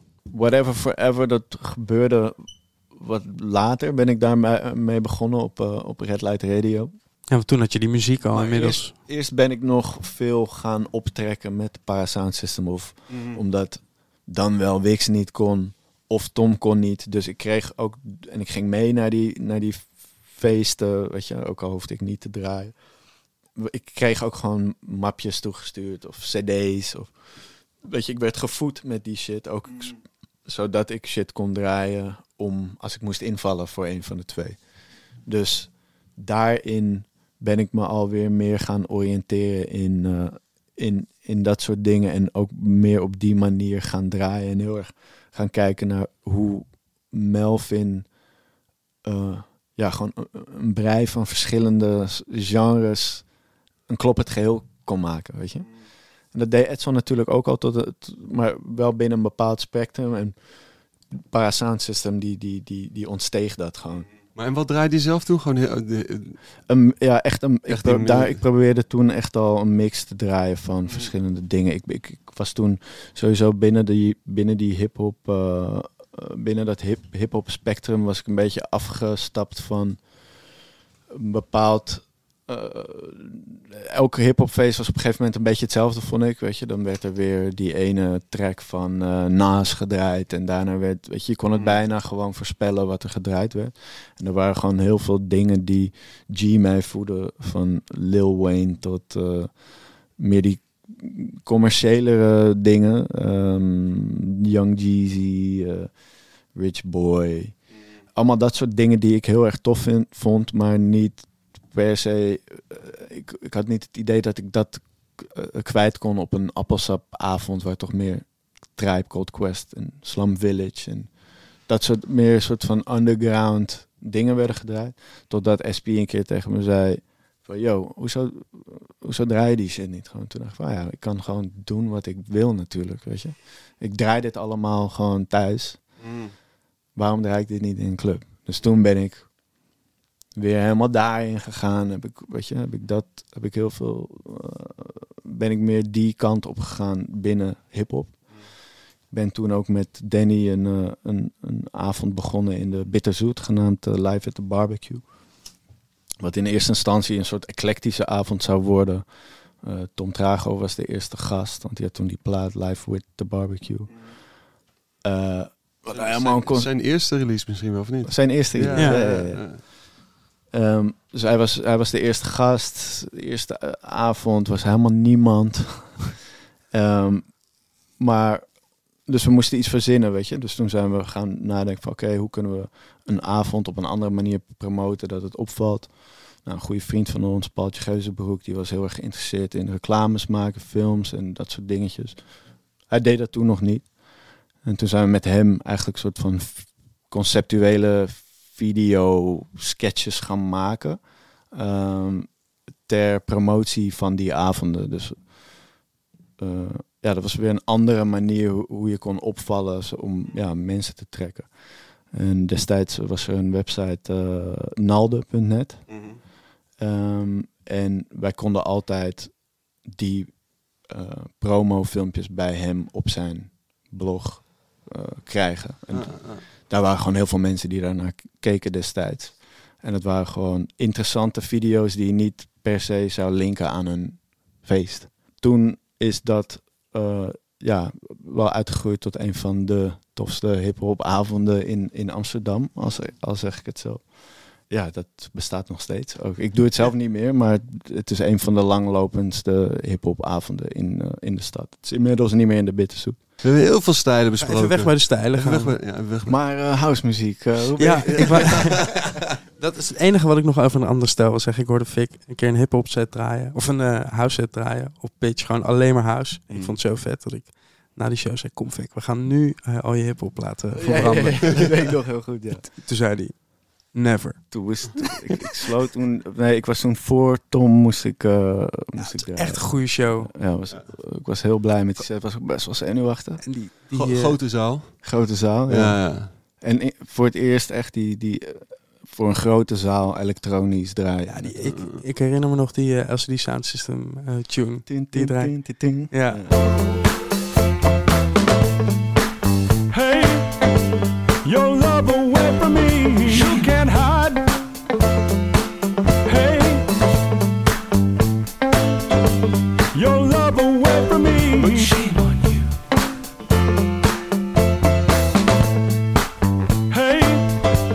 your love away from me, you can't hide. Hey, your love away from me, Ja, die heeft Tom geknipt. Ja, ja ik, wou, ik, ik wou en zeggen. Naar mij gestuurd. Ik wou zeggen hij, hij duurde voor mijn gevoel ook veel langer dan dat hij, eh, dan dat hij was. Hey. Ja. Nee, ik denk dat die. ehm, op een gegeven moment kwam ik eh, door uitgaan en zo eh, in aanraking met een bepaalde vriendengroep. Vertel eerst even een dom verhaal. Je zou eerst even een dom Ja, verhaal er komt- vertellen. er komt nu een dom dit- verhaal. Oké. Dom verhaal. Ja. Maar dan krijg je een beetje een idee hoe ik eh, meer elektron bij meer elektronische muziek ben terechtgekomen. Ik ging op een gegeven moment, was ik uitgenodigd door, volgens mij Pepijn, Pepijn Lane. Pe Pepijn Fabio. Ik ken hun via Danny, Tropical Danny. Dus Mm, met hem deed ik, deed ik die feesten in de, in de Bitterzoet. Ik werkte met hem bij Fab Beats. Oh, die track die... eh 500 euro. ja, daar staat Danny ook op. Dus eh, hij, hij, hij kende is die... een van mijn... eh, als ik me een beetje rot voel... Stiekem draai ik die dan eh, in mijn eentje thuis. Ik heb 500 euro gewonnen met de kras. 50 op de ballen en 50 aan een pak. 400 ballen branden in mijn zak. De stad gaat in de fik, eraf met dat dak. Ik heb 500 euro gewonnen met de kras. 50 op de ballen en 50 aan een pak. 400 ballen branden in mijn zak. De stad gaat in de fik, eraf met dat dak. Hij was op een, eh, hij was op een, eh, op een we- wereldreis. Nee, hij, was in, hij was gaan reizen in Azië. En toen hij terugkwam, hadden zijn jeugdvrienden, de jeugd van tegenwoordig, ineens een soort nummer één hit. Dus hij zei, yo, ik ken die boys, Freddy. En eh, wij werkten toen nog bij Fab Beats. En zei van, yo, ehm, wij gaven toen volgens mij net die, net die feest in de Bitterzoet. Via hem ben ik dus in aanraking gekomen met die boys en de vriendengroep die er omheen hing. En op een gegeven moment ben ik door Rocky of eh, Lucas. Lucas is de, de, de vijfde eh jeugdvertegenwoordig member. Hij staat op, eh op What's Gebeurd. Hij doet die adlibs, doet hij. Is dat zo? Ja. Ja, hij was in de studio. Hij heeft, volgens mij, als ik, het, als ik het goed begrijp, hij is in Utrecht opgegroeid De met... man eh, van de schaatsjes. ja, hij is in Utrecht opgegroeid met, eh met, met Peppy. En hij kende weer eh, Freddy en Olly. En hij was een beetje de schakel tussen, tussen, die, Mm. tussen hun. En ze hebben toen een keer bij Bas hebben ze Wat's Gebeurd opgenomen. Lucas die doet die Wat's Gebeurd. Dat is Lucas. En Lucas Nieuwhuizen. Lucas Nieuwhuizen. En hij, hij, hij nam het allemaal niet zo serieus. Alleen de royalties pakt Maar- hij toch? Nou, Kostijn die, eh, die heeft gewoon een mooi eh, fixed fee, gewoon contractje met hem afgesproken, 350 euro of zo. Hebben we het nergens meer over. En hij, ja, hij nam het gewoon niet zo serieus, totdat het de nummer 1 was, werd. Toen baalde die. Maar goed, ik ben toen door hun uitgenodigd van, hey, kom, eh, kom, kom anders eh, vanavond even langs. Een vriend van ons die woont anti-kraak in een soort vervallen hotel op Torbekkenplein. En eh, ja, we gaan daar gewoon feesten. Dus toen ben ik daar langsgekomen. Dat was eh, Arjuna Schiks. En hij woonde eh, woonde sowieso gewoon anti-kraak. En hij woonde gek genoeg telkens weer in een, gek ander pandje. Dus op een gegeven moment, na dat hotel, kwam hij terecht in, tegenover de Nederlandse bank. In een soort oud bordeel. Met op elke verdieping een jacuzzi. En daar heeft hij eh, een paar maanden heeft hij daar gewoond. Hij woonde helemaal op de eh, helemaal bovenin, zeg maar. Ook een jacuzzi in de kamer. En hij was gewoon alleen maar muziek aan het maken. Terwijl al zijn vrienden daar aan het feesten waren. Gewoon constant, weet je. En ik was toen eh, een van die vrienden geworden. En eigenlijk is toen een beetje eh, mijn vriendschap eh, ontstaan met eh, zowel Pepijn als, eh, als Rocky en al die boys. Door veel met hun om te gaan kwam ik er ook, werd ik ook weer geïntroduceerd met elektronische muziek. Ik bedoel, nou ja, de jeugd van tegenwoordig is natuurlijk een soort electro-rap. En ja, Lucas was gewoon een groot muziekfan. Dus die voedde me weer, weer met allemaal andere dingen, weet je. eh, eh, electro dingen uit eh, Detroit. maar ook gekke R&B dingen. Via Lucas ben ik weer in aanraking gekomen met iemand die ik ook al kende eh, van avonden die door Rush Hour en Patta georganiseerd werd. Of die eh Koninginnedag eh buitenfeesten die zij organiseerden samen. En dat was Yuri, Yuri Cinnamon. Yuri die was destijds een beetje afgestapt van die dub, dubstep. En zat heel erg in die, weer in die ehm toest, of, eh, in eh, eh, garage en UK funky bass dingen. Allemaal shit wat ik nog niet kende. En hij, ja, hij, hij gaf mij een mapje. Ik gaf hem een mapje R&B glijders. Hij gaf mij een mapje met, met, met, met die muziek. En eigenlijk toen is er weer een hele andere wereld voor me opengegaan. En toen zijn we samen gaan draaien. En zijn we die stijlen gaan mixen. Maar nu zijn we weer over stijlen gaan praten.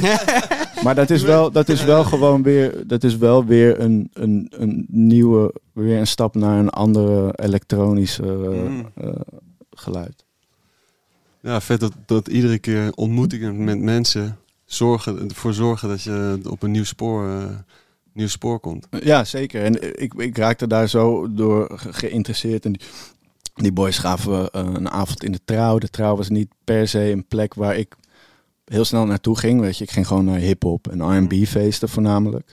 En dat vond ik tof en dat vond ik gezellig. En dat was ja, gewoon een andere slag. Een ander type mens kwam naar dat soort feesten. En er werd an- op een andere manier gedanst. En de trouw was niet een plek die mij heel erg trok, per se. Totdat eh Collars daar kwam. De avond van Lucas en Yuri. Eh, daar heb ik ook, mocht ik ook indraaien. En vanuit daar zijn we eh Boer Rhythm avonden gaan doen. In de Jimmy Woo en later in de, in de Ludwig.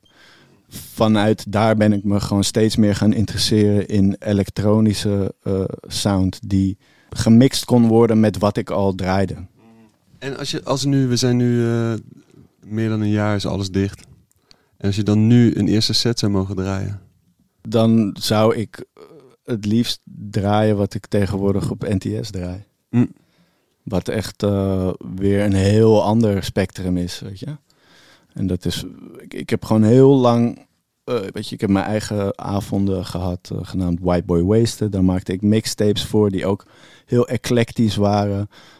Elke mixtape begon met een rap track, omdat ik, ik wilde iets meer een soort, de luisteraar, dat de luisteraar iets meer een connectie had met mij als DJ. En dat, refereerde weer terug naar oude hip-hop mixtapes van bijvoorbeeld een doo-wop, die ook in het begin van zijn mixtape zelf rapte en daarna gewoon tracks aan elkaar mixte, zeg maar. Dus om het extra jus te geven en om, om, om extra connectie met de luisteraar te hebben, rapte ik met, eh, met voornamelijk met eh, tracks voordat de mixtape begon. Ehm, ik weet even niet meer waar we waren. Dan schreef hij first, toch? Nou, eh, ja, ja de, eerste, nou, de, de allereerste track die ik ooit heb gerapt, daar staat, eh, die, die is nooit uitgekomen. Dat was een track met Peppy, Sjaak, op een Tom Trago beat. Die, eh, die track is nooit uitgekomen, maar die beat is wel op een Tom Trago album verschenen. ik zal even opzoeken welke beat het is. Maar inderdaad, nee, we hadden eh, Peppy die... We kennen elkaar natuurlijk al, we gingen met elkaar om. En we hadden altijd het idee om gewoon een mixtape te maken waar ik... Waar we gewoon... We waren allebei helemaal in soort dipset-achtige rap shit. We wilden een tape maken met allemaal dat soort tracks. Hij zou het hosten, ik zou het mixen. En dat zou dan een mixtape worden of een mixtape-serie. Totdat, totdat hij op een gegeven moment gewoon thuis een, een setup had eh, ge- ge- ge- gekocht. En hij thuis ineens gewoon tracks zelf heel snel ging inrappen. Dus eh, hij stuurde me op een gegeven moment gewoon een mailtje van... Yo, ik, heb, ik ben allemaal tracks aan het maken. Laten we gaan nadenken over welke beats ik overheen moet rappen. En dat hele mixtape verhaal eh, van bestaande tracks, dat, dat, dat is van de baan. We gaan nu gewoon een Fabieo mixtape doen. Waar ik eh, net iets vrijer kan zijn en minder eh, album gerelateerd hoef na te denken over hits. En dit. Ik wil gewoon rappen op, op beats. En ik heb gewoon een paar solo tracks hier en daar eh, nog liggen. En laten we dit bundelen. En jij mixt die shit.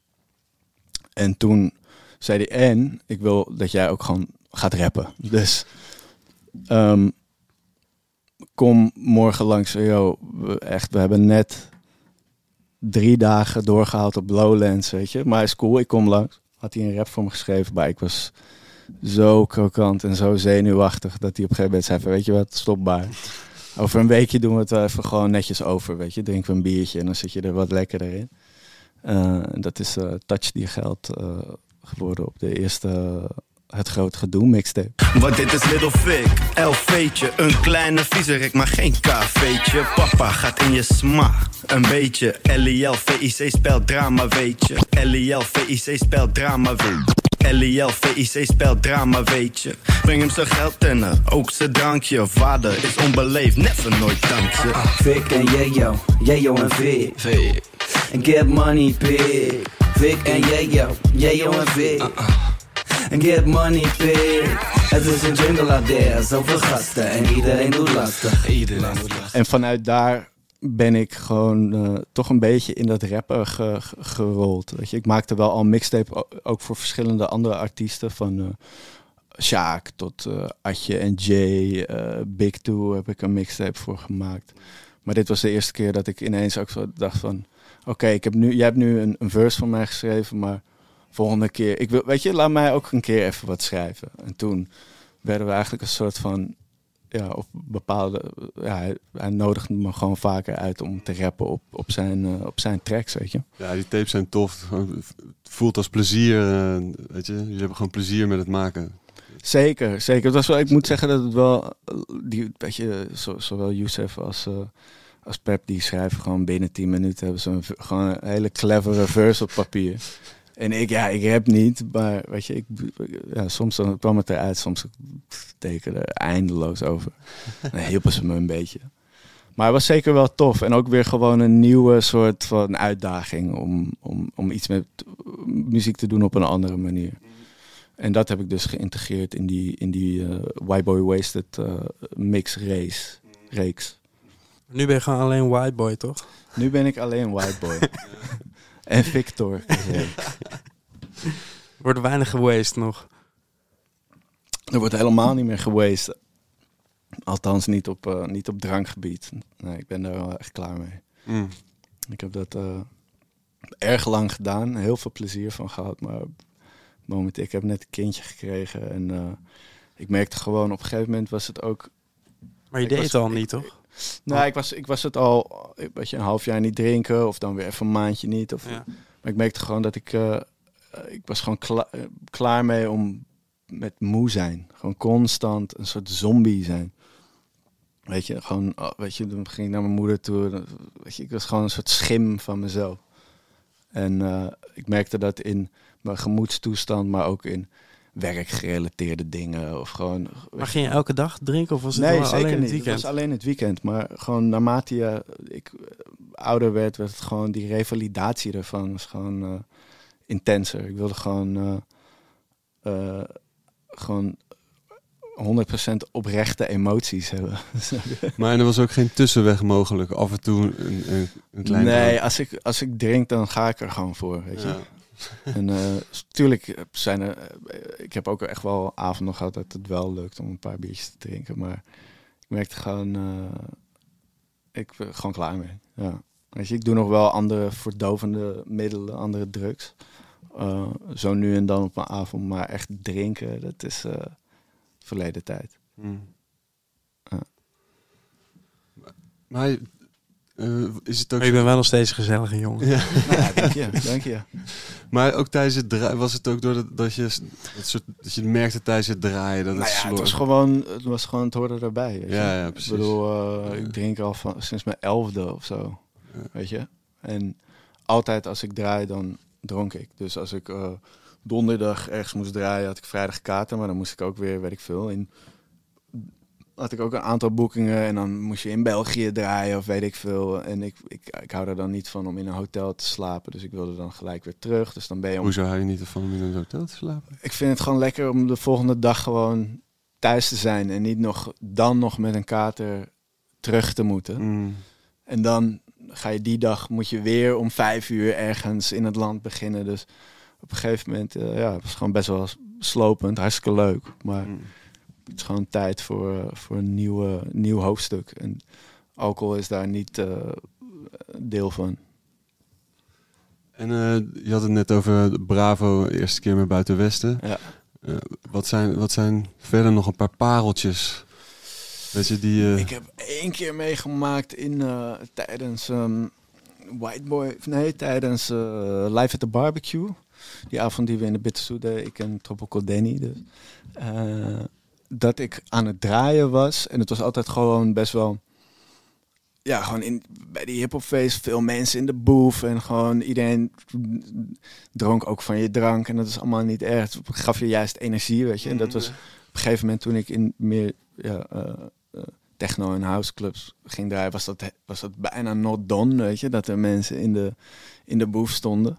Weet je, heel veel DJ's worden daar helemaal panisch van. Maar bij mij geeft dat juist een bepaalde energie. Maar ik was aan het draaien, aan het draaien. En op een gegeven moment waren gewoon twee gekke verdwaalde toeristen die het heel erg naar hun zin hadden. Een man en een vrouw. Op een gegeven moment, ik draaide, draaide. Dit was volgens mij nog in de cd-tijd. En ik draaide me om, om, om, om cd's te pakken. En ik kijk zo, ik zo, nee, dat kan toch? Gewoon, en de Bitterzoet heeft niet een soort gesloten eh boefje of zo, waar je gewoon stiekem... Zij waren gewoon, echt gewoon, ja, eh, seks aan het hebben. Maar gewoon, gewoon hardcore, gewoon penes- penetratie eh? In de- situatie. in de booth gewoon in de booth, ja. Hè? En verder geen ander. Jij stond in je eentje. Het, ik bedoel, het was wel een beetje stiekem of zo, maar het was ook weer gewoon out in the open. Maar het was ook weer zo druk dat je het ook gewoon... Je moest wel echt goed kijken, wilde je het zien, weet je. Wow. Dat was wel, dat was wel even zo van, oké, Nou, damn, het is, wel, ook echt- het is wel echt gezellig hier. Ja. nee, dat was, dat was wel een, een mooie... Kijk, ik bedoel, ja, er zijn gewoon toffe sets. Eh, ik, en, ik en Danny een keer in de Groove Tube. eh, hebben, oh ja, dat was, dat was ook nog best wel een, eh, om even terug te grijpen naar drugs. We waren, waren op Lowlands. En ik geloof dat we de zaterdag moesten we de Groove Tube afsluiten. En ja, de vrijdagavond van Lowlands, hoe erg ik ook probeer gewoon normaal te doen, toch uiteindelijk word ik gewoon een aap. Ja. Weet Die is je? echt... Die vrijdag vrijdag is is echt jongen. toch? Gevaarlijk, ja. Dus ehm, wij, eh, wij slapen dan, eh, ik weet niet of ik dit moet zeggen, maar wij slapen altijd eh, op de parkeerplaats in een, in een busje. dit heb ik eigenlijk al sinds het begin gedaan. En ik ben toen, ehm, ehm, we hadden toen een afterpartytje in ons bus en mijn cd-map heb ik gewoon in een soort van zatte opwelling, heb ik gewoon naast de bus, bus gelegd. Maar niet nagedacht. Dus op een gegeven moment ehm, gaan we de zaterdag in en ja, gewoon een beetje drinken, weet je, een beetje van dit, een beetje van dat. En ik dacht, weet je, ik neem gewoon, eh, ik neem gewoon een beetje ecstasy. Gewoon, ik heb nu nog, even kijken, ik moet om, eh, hoe laat moet ik beginnen? 12 uur of zo. Weet je wat, het is nu eh, s- ja, acht uur of zo. Ik kan nu wel gewoon een nootje nemen of zo, gewoon lekker. Er waren nog een paar showtjes die, wil, die ik wilde checken. Dus oh, op een gegeven moment, die noot, die, die kikt gewoon lekker in. Op een gegeven moment denk ik van, oké, weet je wat, ik ga gewoon alvast even naar de, naar de, naar de, naar de auto toe. En ik ga gewoon mijn spullen halen. Nee, voordat die noot inkikt, ga ik gewoon mijn spullen halen. Dus ik zo, boem, ik loop naar die auto toe. Ik kijk zo en ik kan die cd-map nergens vinden. En die noot begint in te kikken. En ik denk, nee, nee, ik moet zo draaien. Ik ben high, weet je. Hoe de fuck ga ik dit in godsnaam... Hoe ga ik dit oplossen? Weet je? Het is niet... Ik, ik, ik heb gewoon geen shit om te draaien. Ik heb gewoon niks. Hoe de fuck ga ik dit doen? Gelukkig was, eh, was Melvin daar ook. En Melvin die draaide de, de avond daarvoor, had hij de Groove Tube kapot gemaakt. En aangezien ik veel met hem optrok en hij mij heel veel shit gaf, had hij een cd-map. Dus toen ben ik dus helemaal wappie, ben ik met hem door zijn, met een, met een ballpoint ben ik door zijn cd-map gegaan en heb ik gewoon streepjes gezet bij platen die ik wilde draaien. Maar eigenlijk omdat ik dat dus had gedaan en gewoon een selectie eigenlijk al had gemaakt en gewoon Mhm. best wel goed had voorbereid, had ik gewoon echt een topset gedaan. Dus dat was wel een hele mooie, dat was een hele mooie Lowlands ervaring. Ik heb ook wel een keer ook door drugs een echt gewoon kutset gedraaid op Lowlands. Of gewoon echt gewoon achterlijk slecht gedraaid voor heel veel mensen, weet je. En er zijn sowieso wel gewoon... Er zijn hele, hele eh, memorabele sets. Maar in je DJ-carrière heb je altijd... Heb je gewoon van die sets die, die, die, die, die gingen goed. En dan denk je van yes. Maar- echt, je hoeft maar één keer weer een kutset af te leveren. En die blijft, die blijft steken, toch? dus dan ben je helemaal... ah, en de- daar blijf je in zitten totdat je weer een keer een goede set draait. Maar wat was de kutste dan? De kutste set. Eh,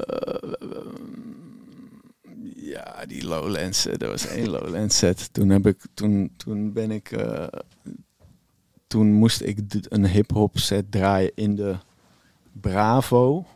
Volgens mij, als ik het niet vergeet. Moest ik afsluiten in de Bravo, een hip-hop set. Ik had het helemaal goed voorbereid, maar ik had gewoon, het was de vrijdagavond. Ja. En ik, ik was gewoon, eh, ik was gewoon te dronken. En op een gegeven moment, Hef en Boku Sam waren daar een jonko aan het roken. Ik dacht van, ah, dat is een goed idee. Blowen. ik blow nooit. Wiet, Ah. wiet kan ik sowieso niet tegen. Deze mannen zijn gewoon, zijn gewoon veteranen. Om, om, Ogen open om aansteken. Gewoon. gaat, weet je. Om die, om, om die, om die wiet shit. Dus ik een beetje van hun blow. En toen was het gewoon, ik heb zo echt gewoon, ik begreep er gewoon helemaal niks meer van. Wow. Effecten, knoppen. Elke mix ging fout. Ik wist niet meer wat wit, wat, weet je. Gewoon, dat scherm draaide. Ik begreep er helemaal niks meer van. Maar ehm, ja, het was dramatisch. dat was denk ik, dat is wel echt mijn meest slechte set die ik ooit heb afgeleverd. En dat was dan ook gelijk voor heel veel mensen op Lowlands. Eerste avond, dus gelijk je hele Lowlands experience daarna ook gewoon helemaal zo. Maar denk je dat iedereen het door had? Nee, nee. Of alleen jij? Dat is gewoon voor nee, jou. er kwamen mensen naar me toe, yo, top gedraaid man. Dat ik echt was van...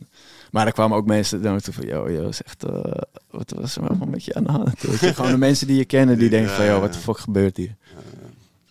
Toch, weet je, recalcitrant, toch house draaien en op een hip-hop eh, stage, Ah, weet je, dat ja, soort shit. Gewoon dom. Festival live, ja. Voelt heel ver weg op dit moment, hè? Zeker, man. Ja. Nee, Lowlands is sowieso wel echt... eh, ja, sinds, sinds die ene keer dat ik zo het podium ophaaste, is het wel echt... ja, ik was wel gelijk verkocht aan Lowlands. Dat is echt te gek. eh, Blijft gewoon de beste, toch? Ja, vind ik zeker. wel. Ja, ik vind het absoluut. echt het allertofst. Ook omdat er gewoon zoveel verschillende muziek is. Weet je. Ja, Niet- man. Niet alles even tof, althans vind ik. Niet alles is mijn smaak, maar er zijn gewoon zoveel toffe Nee, maar bandjes. en- gelukkig maar dat het niet allemaal je smaak is, toch? Dat Precies. gewoon- Ja, het, en het is wel in dat hoekje wel dan eh, het beste. Ja, precies. precies, precies. Hé, maar eh, en eh Own, want als we het dan over optreden hebben, eh, je, de band met eh, Vincent en, eh, en Paul. Zeker. en jullie hebben twee of drie keer opgetreden en toen viel alles dicht. Wat, wat is, is dat de ultieme droom met de band of is het, is het draaien? Ehm, draaien. Ik denk dat ik, dat ik wel. Ja, ik voel me niet heel erg geroepen meer om, eh, om, om een soort van wereldberoemde DJ te worden. Of ik moet daar staan. Ik, ik denk dat door, door die lockdown ben ik toch wel meer gaan beseffen. Ook van ja, ik, ik, ik ik weet niet of ik nog wel zin heb om in een vliegtuig te zitten en de volgende dag weer in een vliegtuig en dan weer in een auto en dan weer.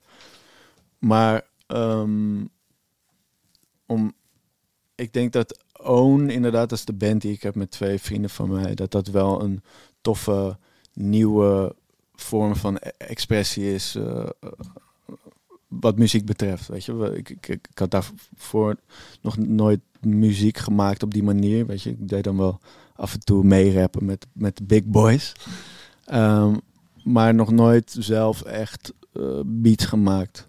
Natuurlijk wel voor die mixtapes van Peppy gewoon bepaalde edits maar als, gemaakt Als, van als, beats. als, een, als er helemaal, als je nergens aan restricties of vliegen of whatever, is het dan eh, straks ieder weekend spelen met de band? Ik denk als wij een vorm hebben gevonden van hoe wij zouden willen optreden, dan misschien wel. Maar ik, ik moet zeggen dat ik persoonlijk het maken van de muziek en het samenkomen, dat vind ik leuker dan ehm, optreden. Waarom? Omdat wij zijn geen geschoolde mu- muzikanten. Dus we maken wel muziek met gitaar en bas en dit en dat. Maar we kunnen dat niet spelen.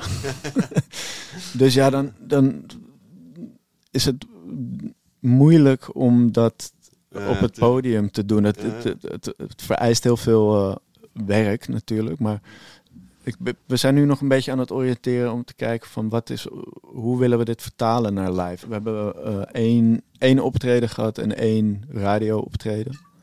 En dat ging goed. We zijn gewoon een beetje zoekende naar wat het moet zijn. Ah, je moet het ook niet leren, man. Het is gewoon, weet je, eh, dan ben je echt rock and roll. Als je gewoon, want ik vind, als je heel erg rock and roll bent en je speelt gitaar, dan heb je toch heel lang gitaarles gehad, weet je? Ja, ja, ja. ja, dus, ja, we moeten gewoon, kijk, dezelfde manier hoe we muziek maken, wil ik eigenlijk ook op het podium staan. En nu is het nog een beetje te veel een riedeltje. Ja, doen. precies. En bij, bij Patta, de, de Patta Sound System, eh, cureer je documentaires? Wat, wat is je rol precies? eh? Eh, ik ben bij Pata ben ik eh, sinds eh, twee jaar nu denk ik eh, head of music. Dus eigenlijk alles wat muziek gerelateerd is, dat, dat, dat gaat via mij. Eh, dus van collaboraties, samenwerkingen met een Youssef Days bijvoorbeeld. We hebben een trainingspak gemaakt en een, en een, een plaat waarin alleen maar drums zijn. Dus alleen hij hoor je op de drums. We hebben met Dreamcast hebben we een plaat gedaan. Met eh, ehm, Conway en Alchemist hebben een, een, een plaat en een, en een capsulecollectie gemaakt. Eh, we maken ehm, DJ-tasjes. We deden events en, en, en hosten stages, bijvoorbeeld een, bij bijvoorbeeld een appelsap. En, en nu heb je iets... eh, Ja, er komen wel een paar projecten aan waar ik niet zoveel kan, van kan zeggen. Er is wel één ding waar ik heel veel zin in heb. Dat is een project met Tom Trago. Ah. Eh, daar zijn we al best wel lang mee bezig, gek genoeg. Maar ehm, dat begint nu eindelijk ja, een beetje af, af te, te komen. Dus daar gaan we begin volgend jaar gaan we, daar, eh, gaan we dat uitbrengen. Is het een zwembroekenlijn? nou, ja, die gesprekken hebben we nu. wat, wat moet het worden? De, de, de muziek, hij maakt gewoon tyfus veel muziek. En hij had eh, een... ehm, Chris, zijn manager, die had een selectie gemaakt van echt dom veel tracks. Eh, dus een selectie van dom veel tracks van dom veel tracks gemaakt. Dus er waren nog steeds heel veel tracks. En Tom die zei van, het, was, het, zijn, ja, het zijn beats die, die niet per se in een hokje geplaatst worden. Weet je, het is geen house, het is geen electro per se. Dus het zijn gewoon gekke Tom Trago beats waar, waar hij niet zo goed mee wist wat hij moest doen. Dus hij heeft mij toen gebeld van, hey, kunnen we daar iets mee doen? Dus toen heb ik me on- ontfermd over die muziek en heb ik daar weer een selectie van gemaakt. Daar hebben we weer een soort soundscape van gemaakt. Een x aantal artiesten hebben we eh, benaderd. En het is, ja, het is een soort gekke, gekke brei. Jullie gaan het, wel, gaan het wel horen. Het is heel dope. Dus daar ben ik heel enthousiast over. En het is gewoon heel leuk om met, eh, met Tom te werken. Gewoon vrienden. En het is sowieso heel tof om bij Pata te werken. Want het zijn, is ook één grote familie, weet je. Eh, en alles verloopt gewoon heel erg organisch. Tu- tuurlijk is er ook stress, maar over het algemeen is de werksfeer gewoon heel erg relaxed. En iedereen is geïnteresseerd in wat de ander doet. En weet je, geeft feedback op dingen. En het is gewoon, eh, iedereen wordt daarbij betrokken en dat is heel dope. Het, eh, het vaderschap. Het, het, toch wel tijdens deze pandemie in één keer... eh, eh, volgend hoofdstuk. Ja, man. Toch? Ja, nee, is te gek. Hij is nu, hij is nu precies op de dag elf weken oud. Ja, het is gewoon, ja, het is te gek, man. Het is, het voelt, ehm, het voelde voor mij gewoon heel erg, ja, oh ja, dit, dit is het, dit klopt. En hij is er nu en eh, dit- er is gewoon ineens een mensje, maar het- ik, ik, heb, ik, heb, ik heb me helemaal niet gestrest of zo. Of, eh, toen, hij, toen hij er ineens was, was het niet van... Oh jee, wat, wat, wat moet ik nu nog allemaal doen en ik, ik kan dit niet. Of zo. Dat is Mhm. gewoon heel erg... Heel raar gevoel, maar het klopt allemaal. Eh, hoe anders was het als het een jaar geleden of anderhalf jaar geleden, weet je? Kan je je dat voorstellen? Dat je ieder weekend weg. Ja, nee, zeker. Ik bedoel, eh, los van alle ellende is zo'n lockdown en eh, het thuiswerken en zo is natuurlijk fantastisch als je net een kindje hebt. Want je kan je en eh, geboorteverlof. Vaders hebben nu ook geboorteverlof.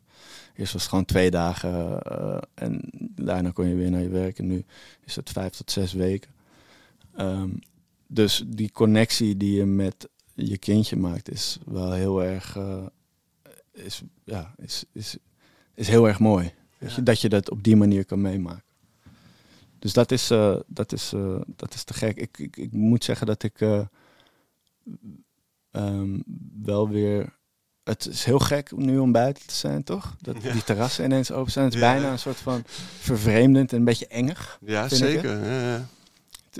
Maar ja, ik heb, ik heb wel weer zin dat, dat iedereen gewoon lekker zijn ding kan doen. En in, ieder geval die keuze hebt om je om uit te kunnen en je te, te, weet je, te kunnen draaien en je, je, je creatief te kunnen uiten in, in nightlife. Want ja, die hebben het toch wel heel zwaar, weet je. Op een gegeven moment ben je ook wel weer, heb je die, al die livestreams ook wel weer eh, gehad. Man, man, man. Ik bedoel, ik heb, ik heb er ook een paar gedaan. Ik doe natuurlijk nog steeds eh, radio maken bij NTS. En daar kan ik een zekere creativiteit in kwijt. Eh, dat heeft nu ook, dat heeft ook bepaalde vormen, verschillende vormen gehad, die, die, die radioshow. Ik, ik, ik, toen ik benaderd was door de school om daar te komen draaien en een avond te doen, ehm, was ik eigenlijk in mijn hoofd al wilde ik me al inderdaad wat meer gaan oriënteren naar elektronische muziek, nog dieper gaan. En daar kreeg je eigenlijk een soort speelveld om te kijken, om je te oriënteren. En eigenlijk precies in die periode kreeg ik ook mijn NTS-show. Dus in eerste instantie wilde ik allemaal weet je, heel eclectisch draaien, want dat deed ik allemaal. Ik moet hip-hop en eh, punk wil ik ook draaien in de school en house. En ja, sommige avonden werken goed, wonder boven wonder. En sommige ja, werken gewoon helemaal niet, weet je. Dus op een gegeven moment is mijn, mijn, eh, mijn avond daar ook gestopt. Maar in die twee jaar, denk ik, dat ik daar heb gedraaid, heb ik weer zoveel nieuwe impulsen gehad. En, en me zo erg georiënteerd in weer nieuwe, nieuwe toffe muziek. Eigenlijk de eerste keer dat ik bij, eh, eh, of een van de eh, eerste keren dat ik echt naar een IF-set ben gaan luisteren. Ik bedoel, ik, ik was al met Lucas en Rocky wel, hadden we eens IF horen draaien. Maar niet aan, heb ik niet aandachtig daarna geluisterd. Maar er was één set die die draaide bij Dekmantel. Dat draaide die een bepaalde track. En die shit was zo gangster, hip-hop, maar techno en electro en punk tegelijk. Toen ik die track hoorde, dacht ik van oké, wacht eens even. Dus al die dingen die ik probeer te doen, dus al die stijlen die bij, oh, zijn we weer bij stijlen, Ja, ja. die zitten in één track. Hé, wel- welke track? Dat is The Search van hemzelf, van IF.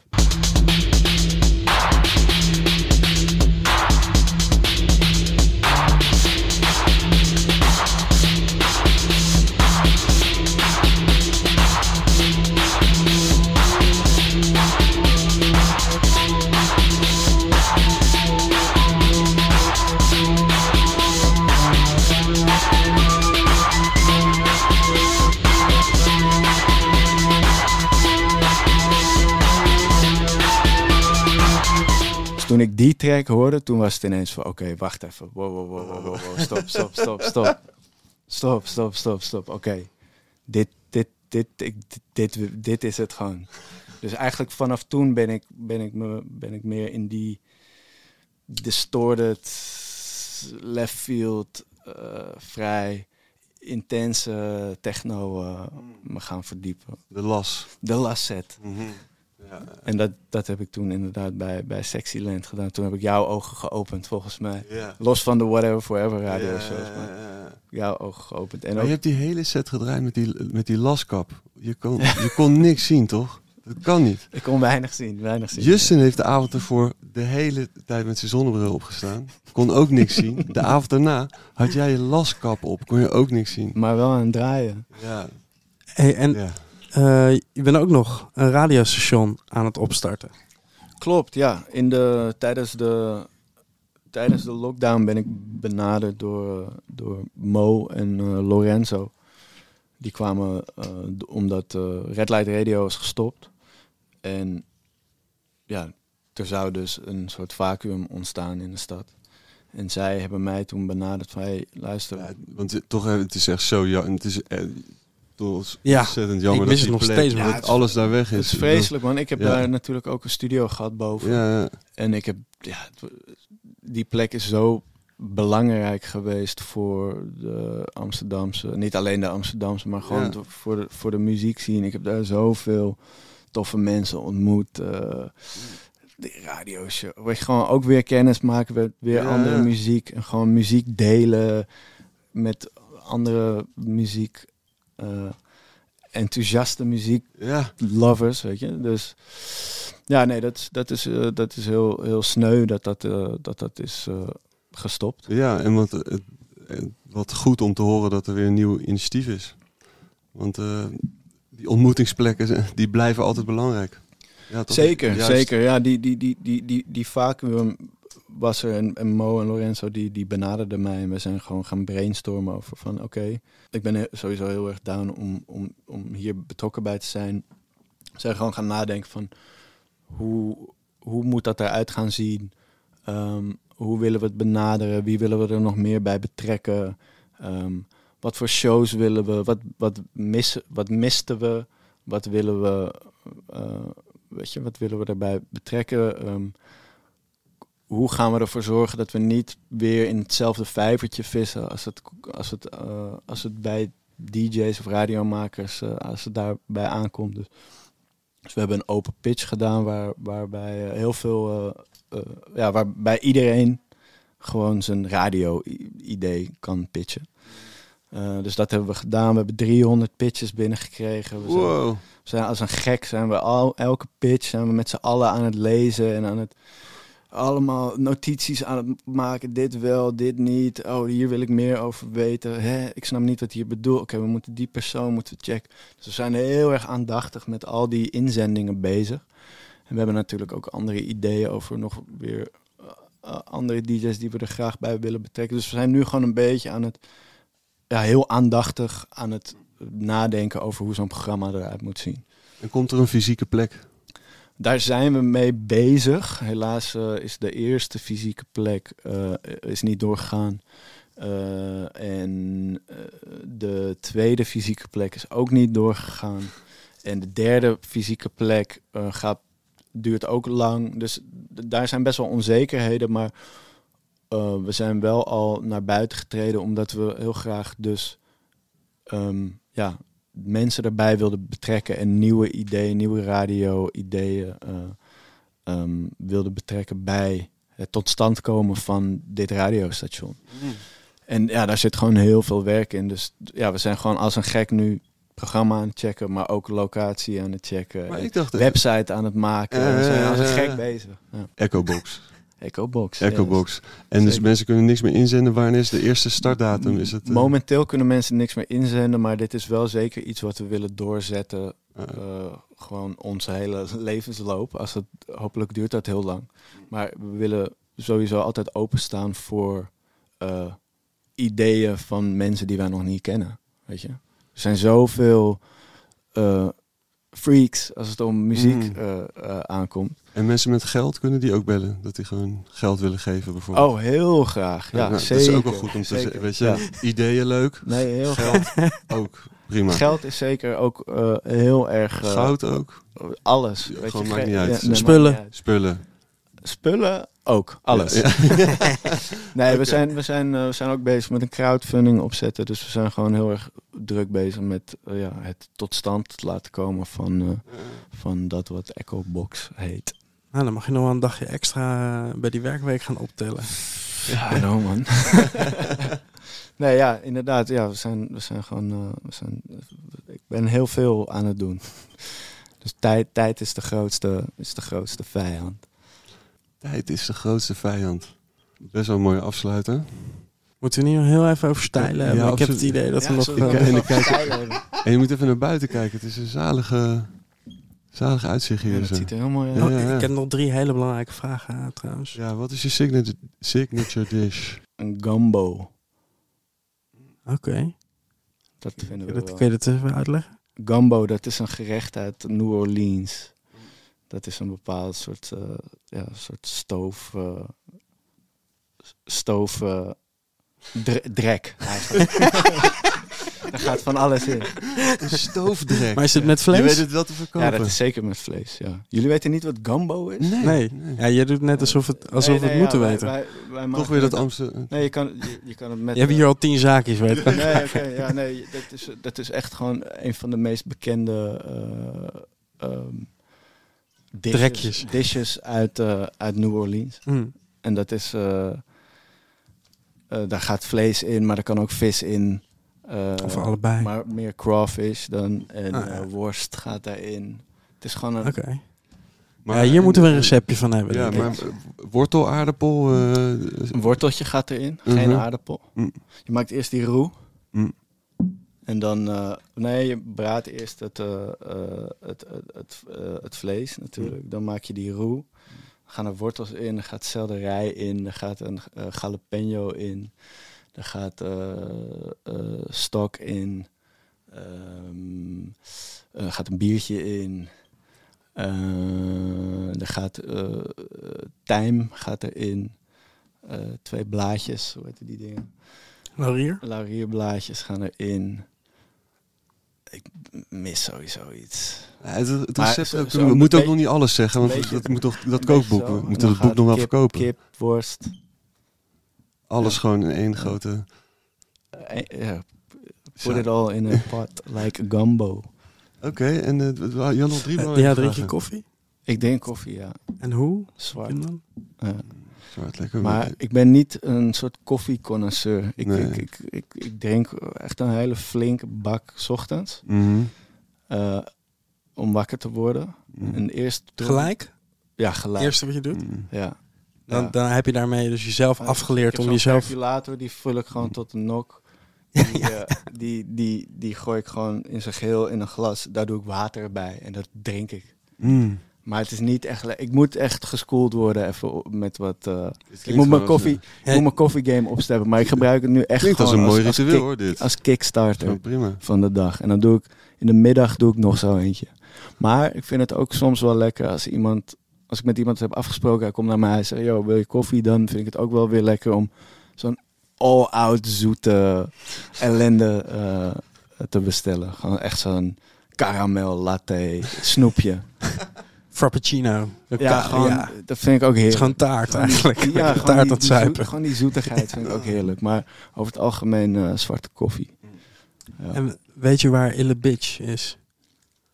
Ille bitch? Ja, Ja, dit is Justin eh we zijn hem aan het zoeken. zijn tocht. Ille bitch. Ken je Ille Bitch niet? Nee, ik ken Ille bitch niet, man. Shit, moet ik die kennen? Ken jij die, Steven? Ja, ik kende de naam verder, maar ik, ken het, ik, had, ik had niks met het verhaal. Maar Justin is erin aan het duiken. al een hele Ja, hij is tijd. weg. En Ik, ik hij is vraag, weg. vraag gewoon aan iemand ja. weet waar die is. Moet, er moet iemand zijn die, die het in één keer wel weet. Het is een mysterie. Het is, we proberen toch een... Ja, ik wens jullie heel veel succes. Ja. Ik kan niks, die op de hoogte. niks anders zeggen, man. Ille bitch. Als je, als je, Als je dit luistert, hoort, weet ja. je, meld je graag. En eh, doneer wat geld voor Echo Box. alsjeblieft. Thanks man. Ja, Thanks, jullie bedankt, man. Ja, gek. Zeker, dat is top. We hebben weinig vragen gesteld. Jullie hebben heel weinig vragen. Willen jullie nog iets weten? Over stijlen of zo?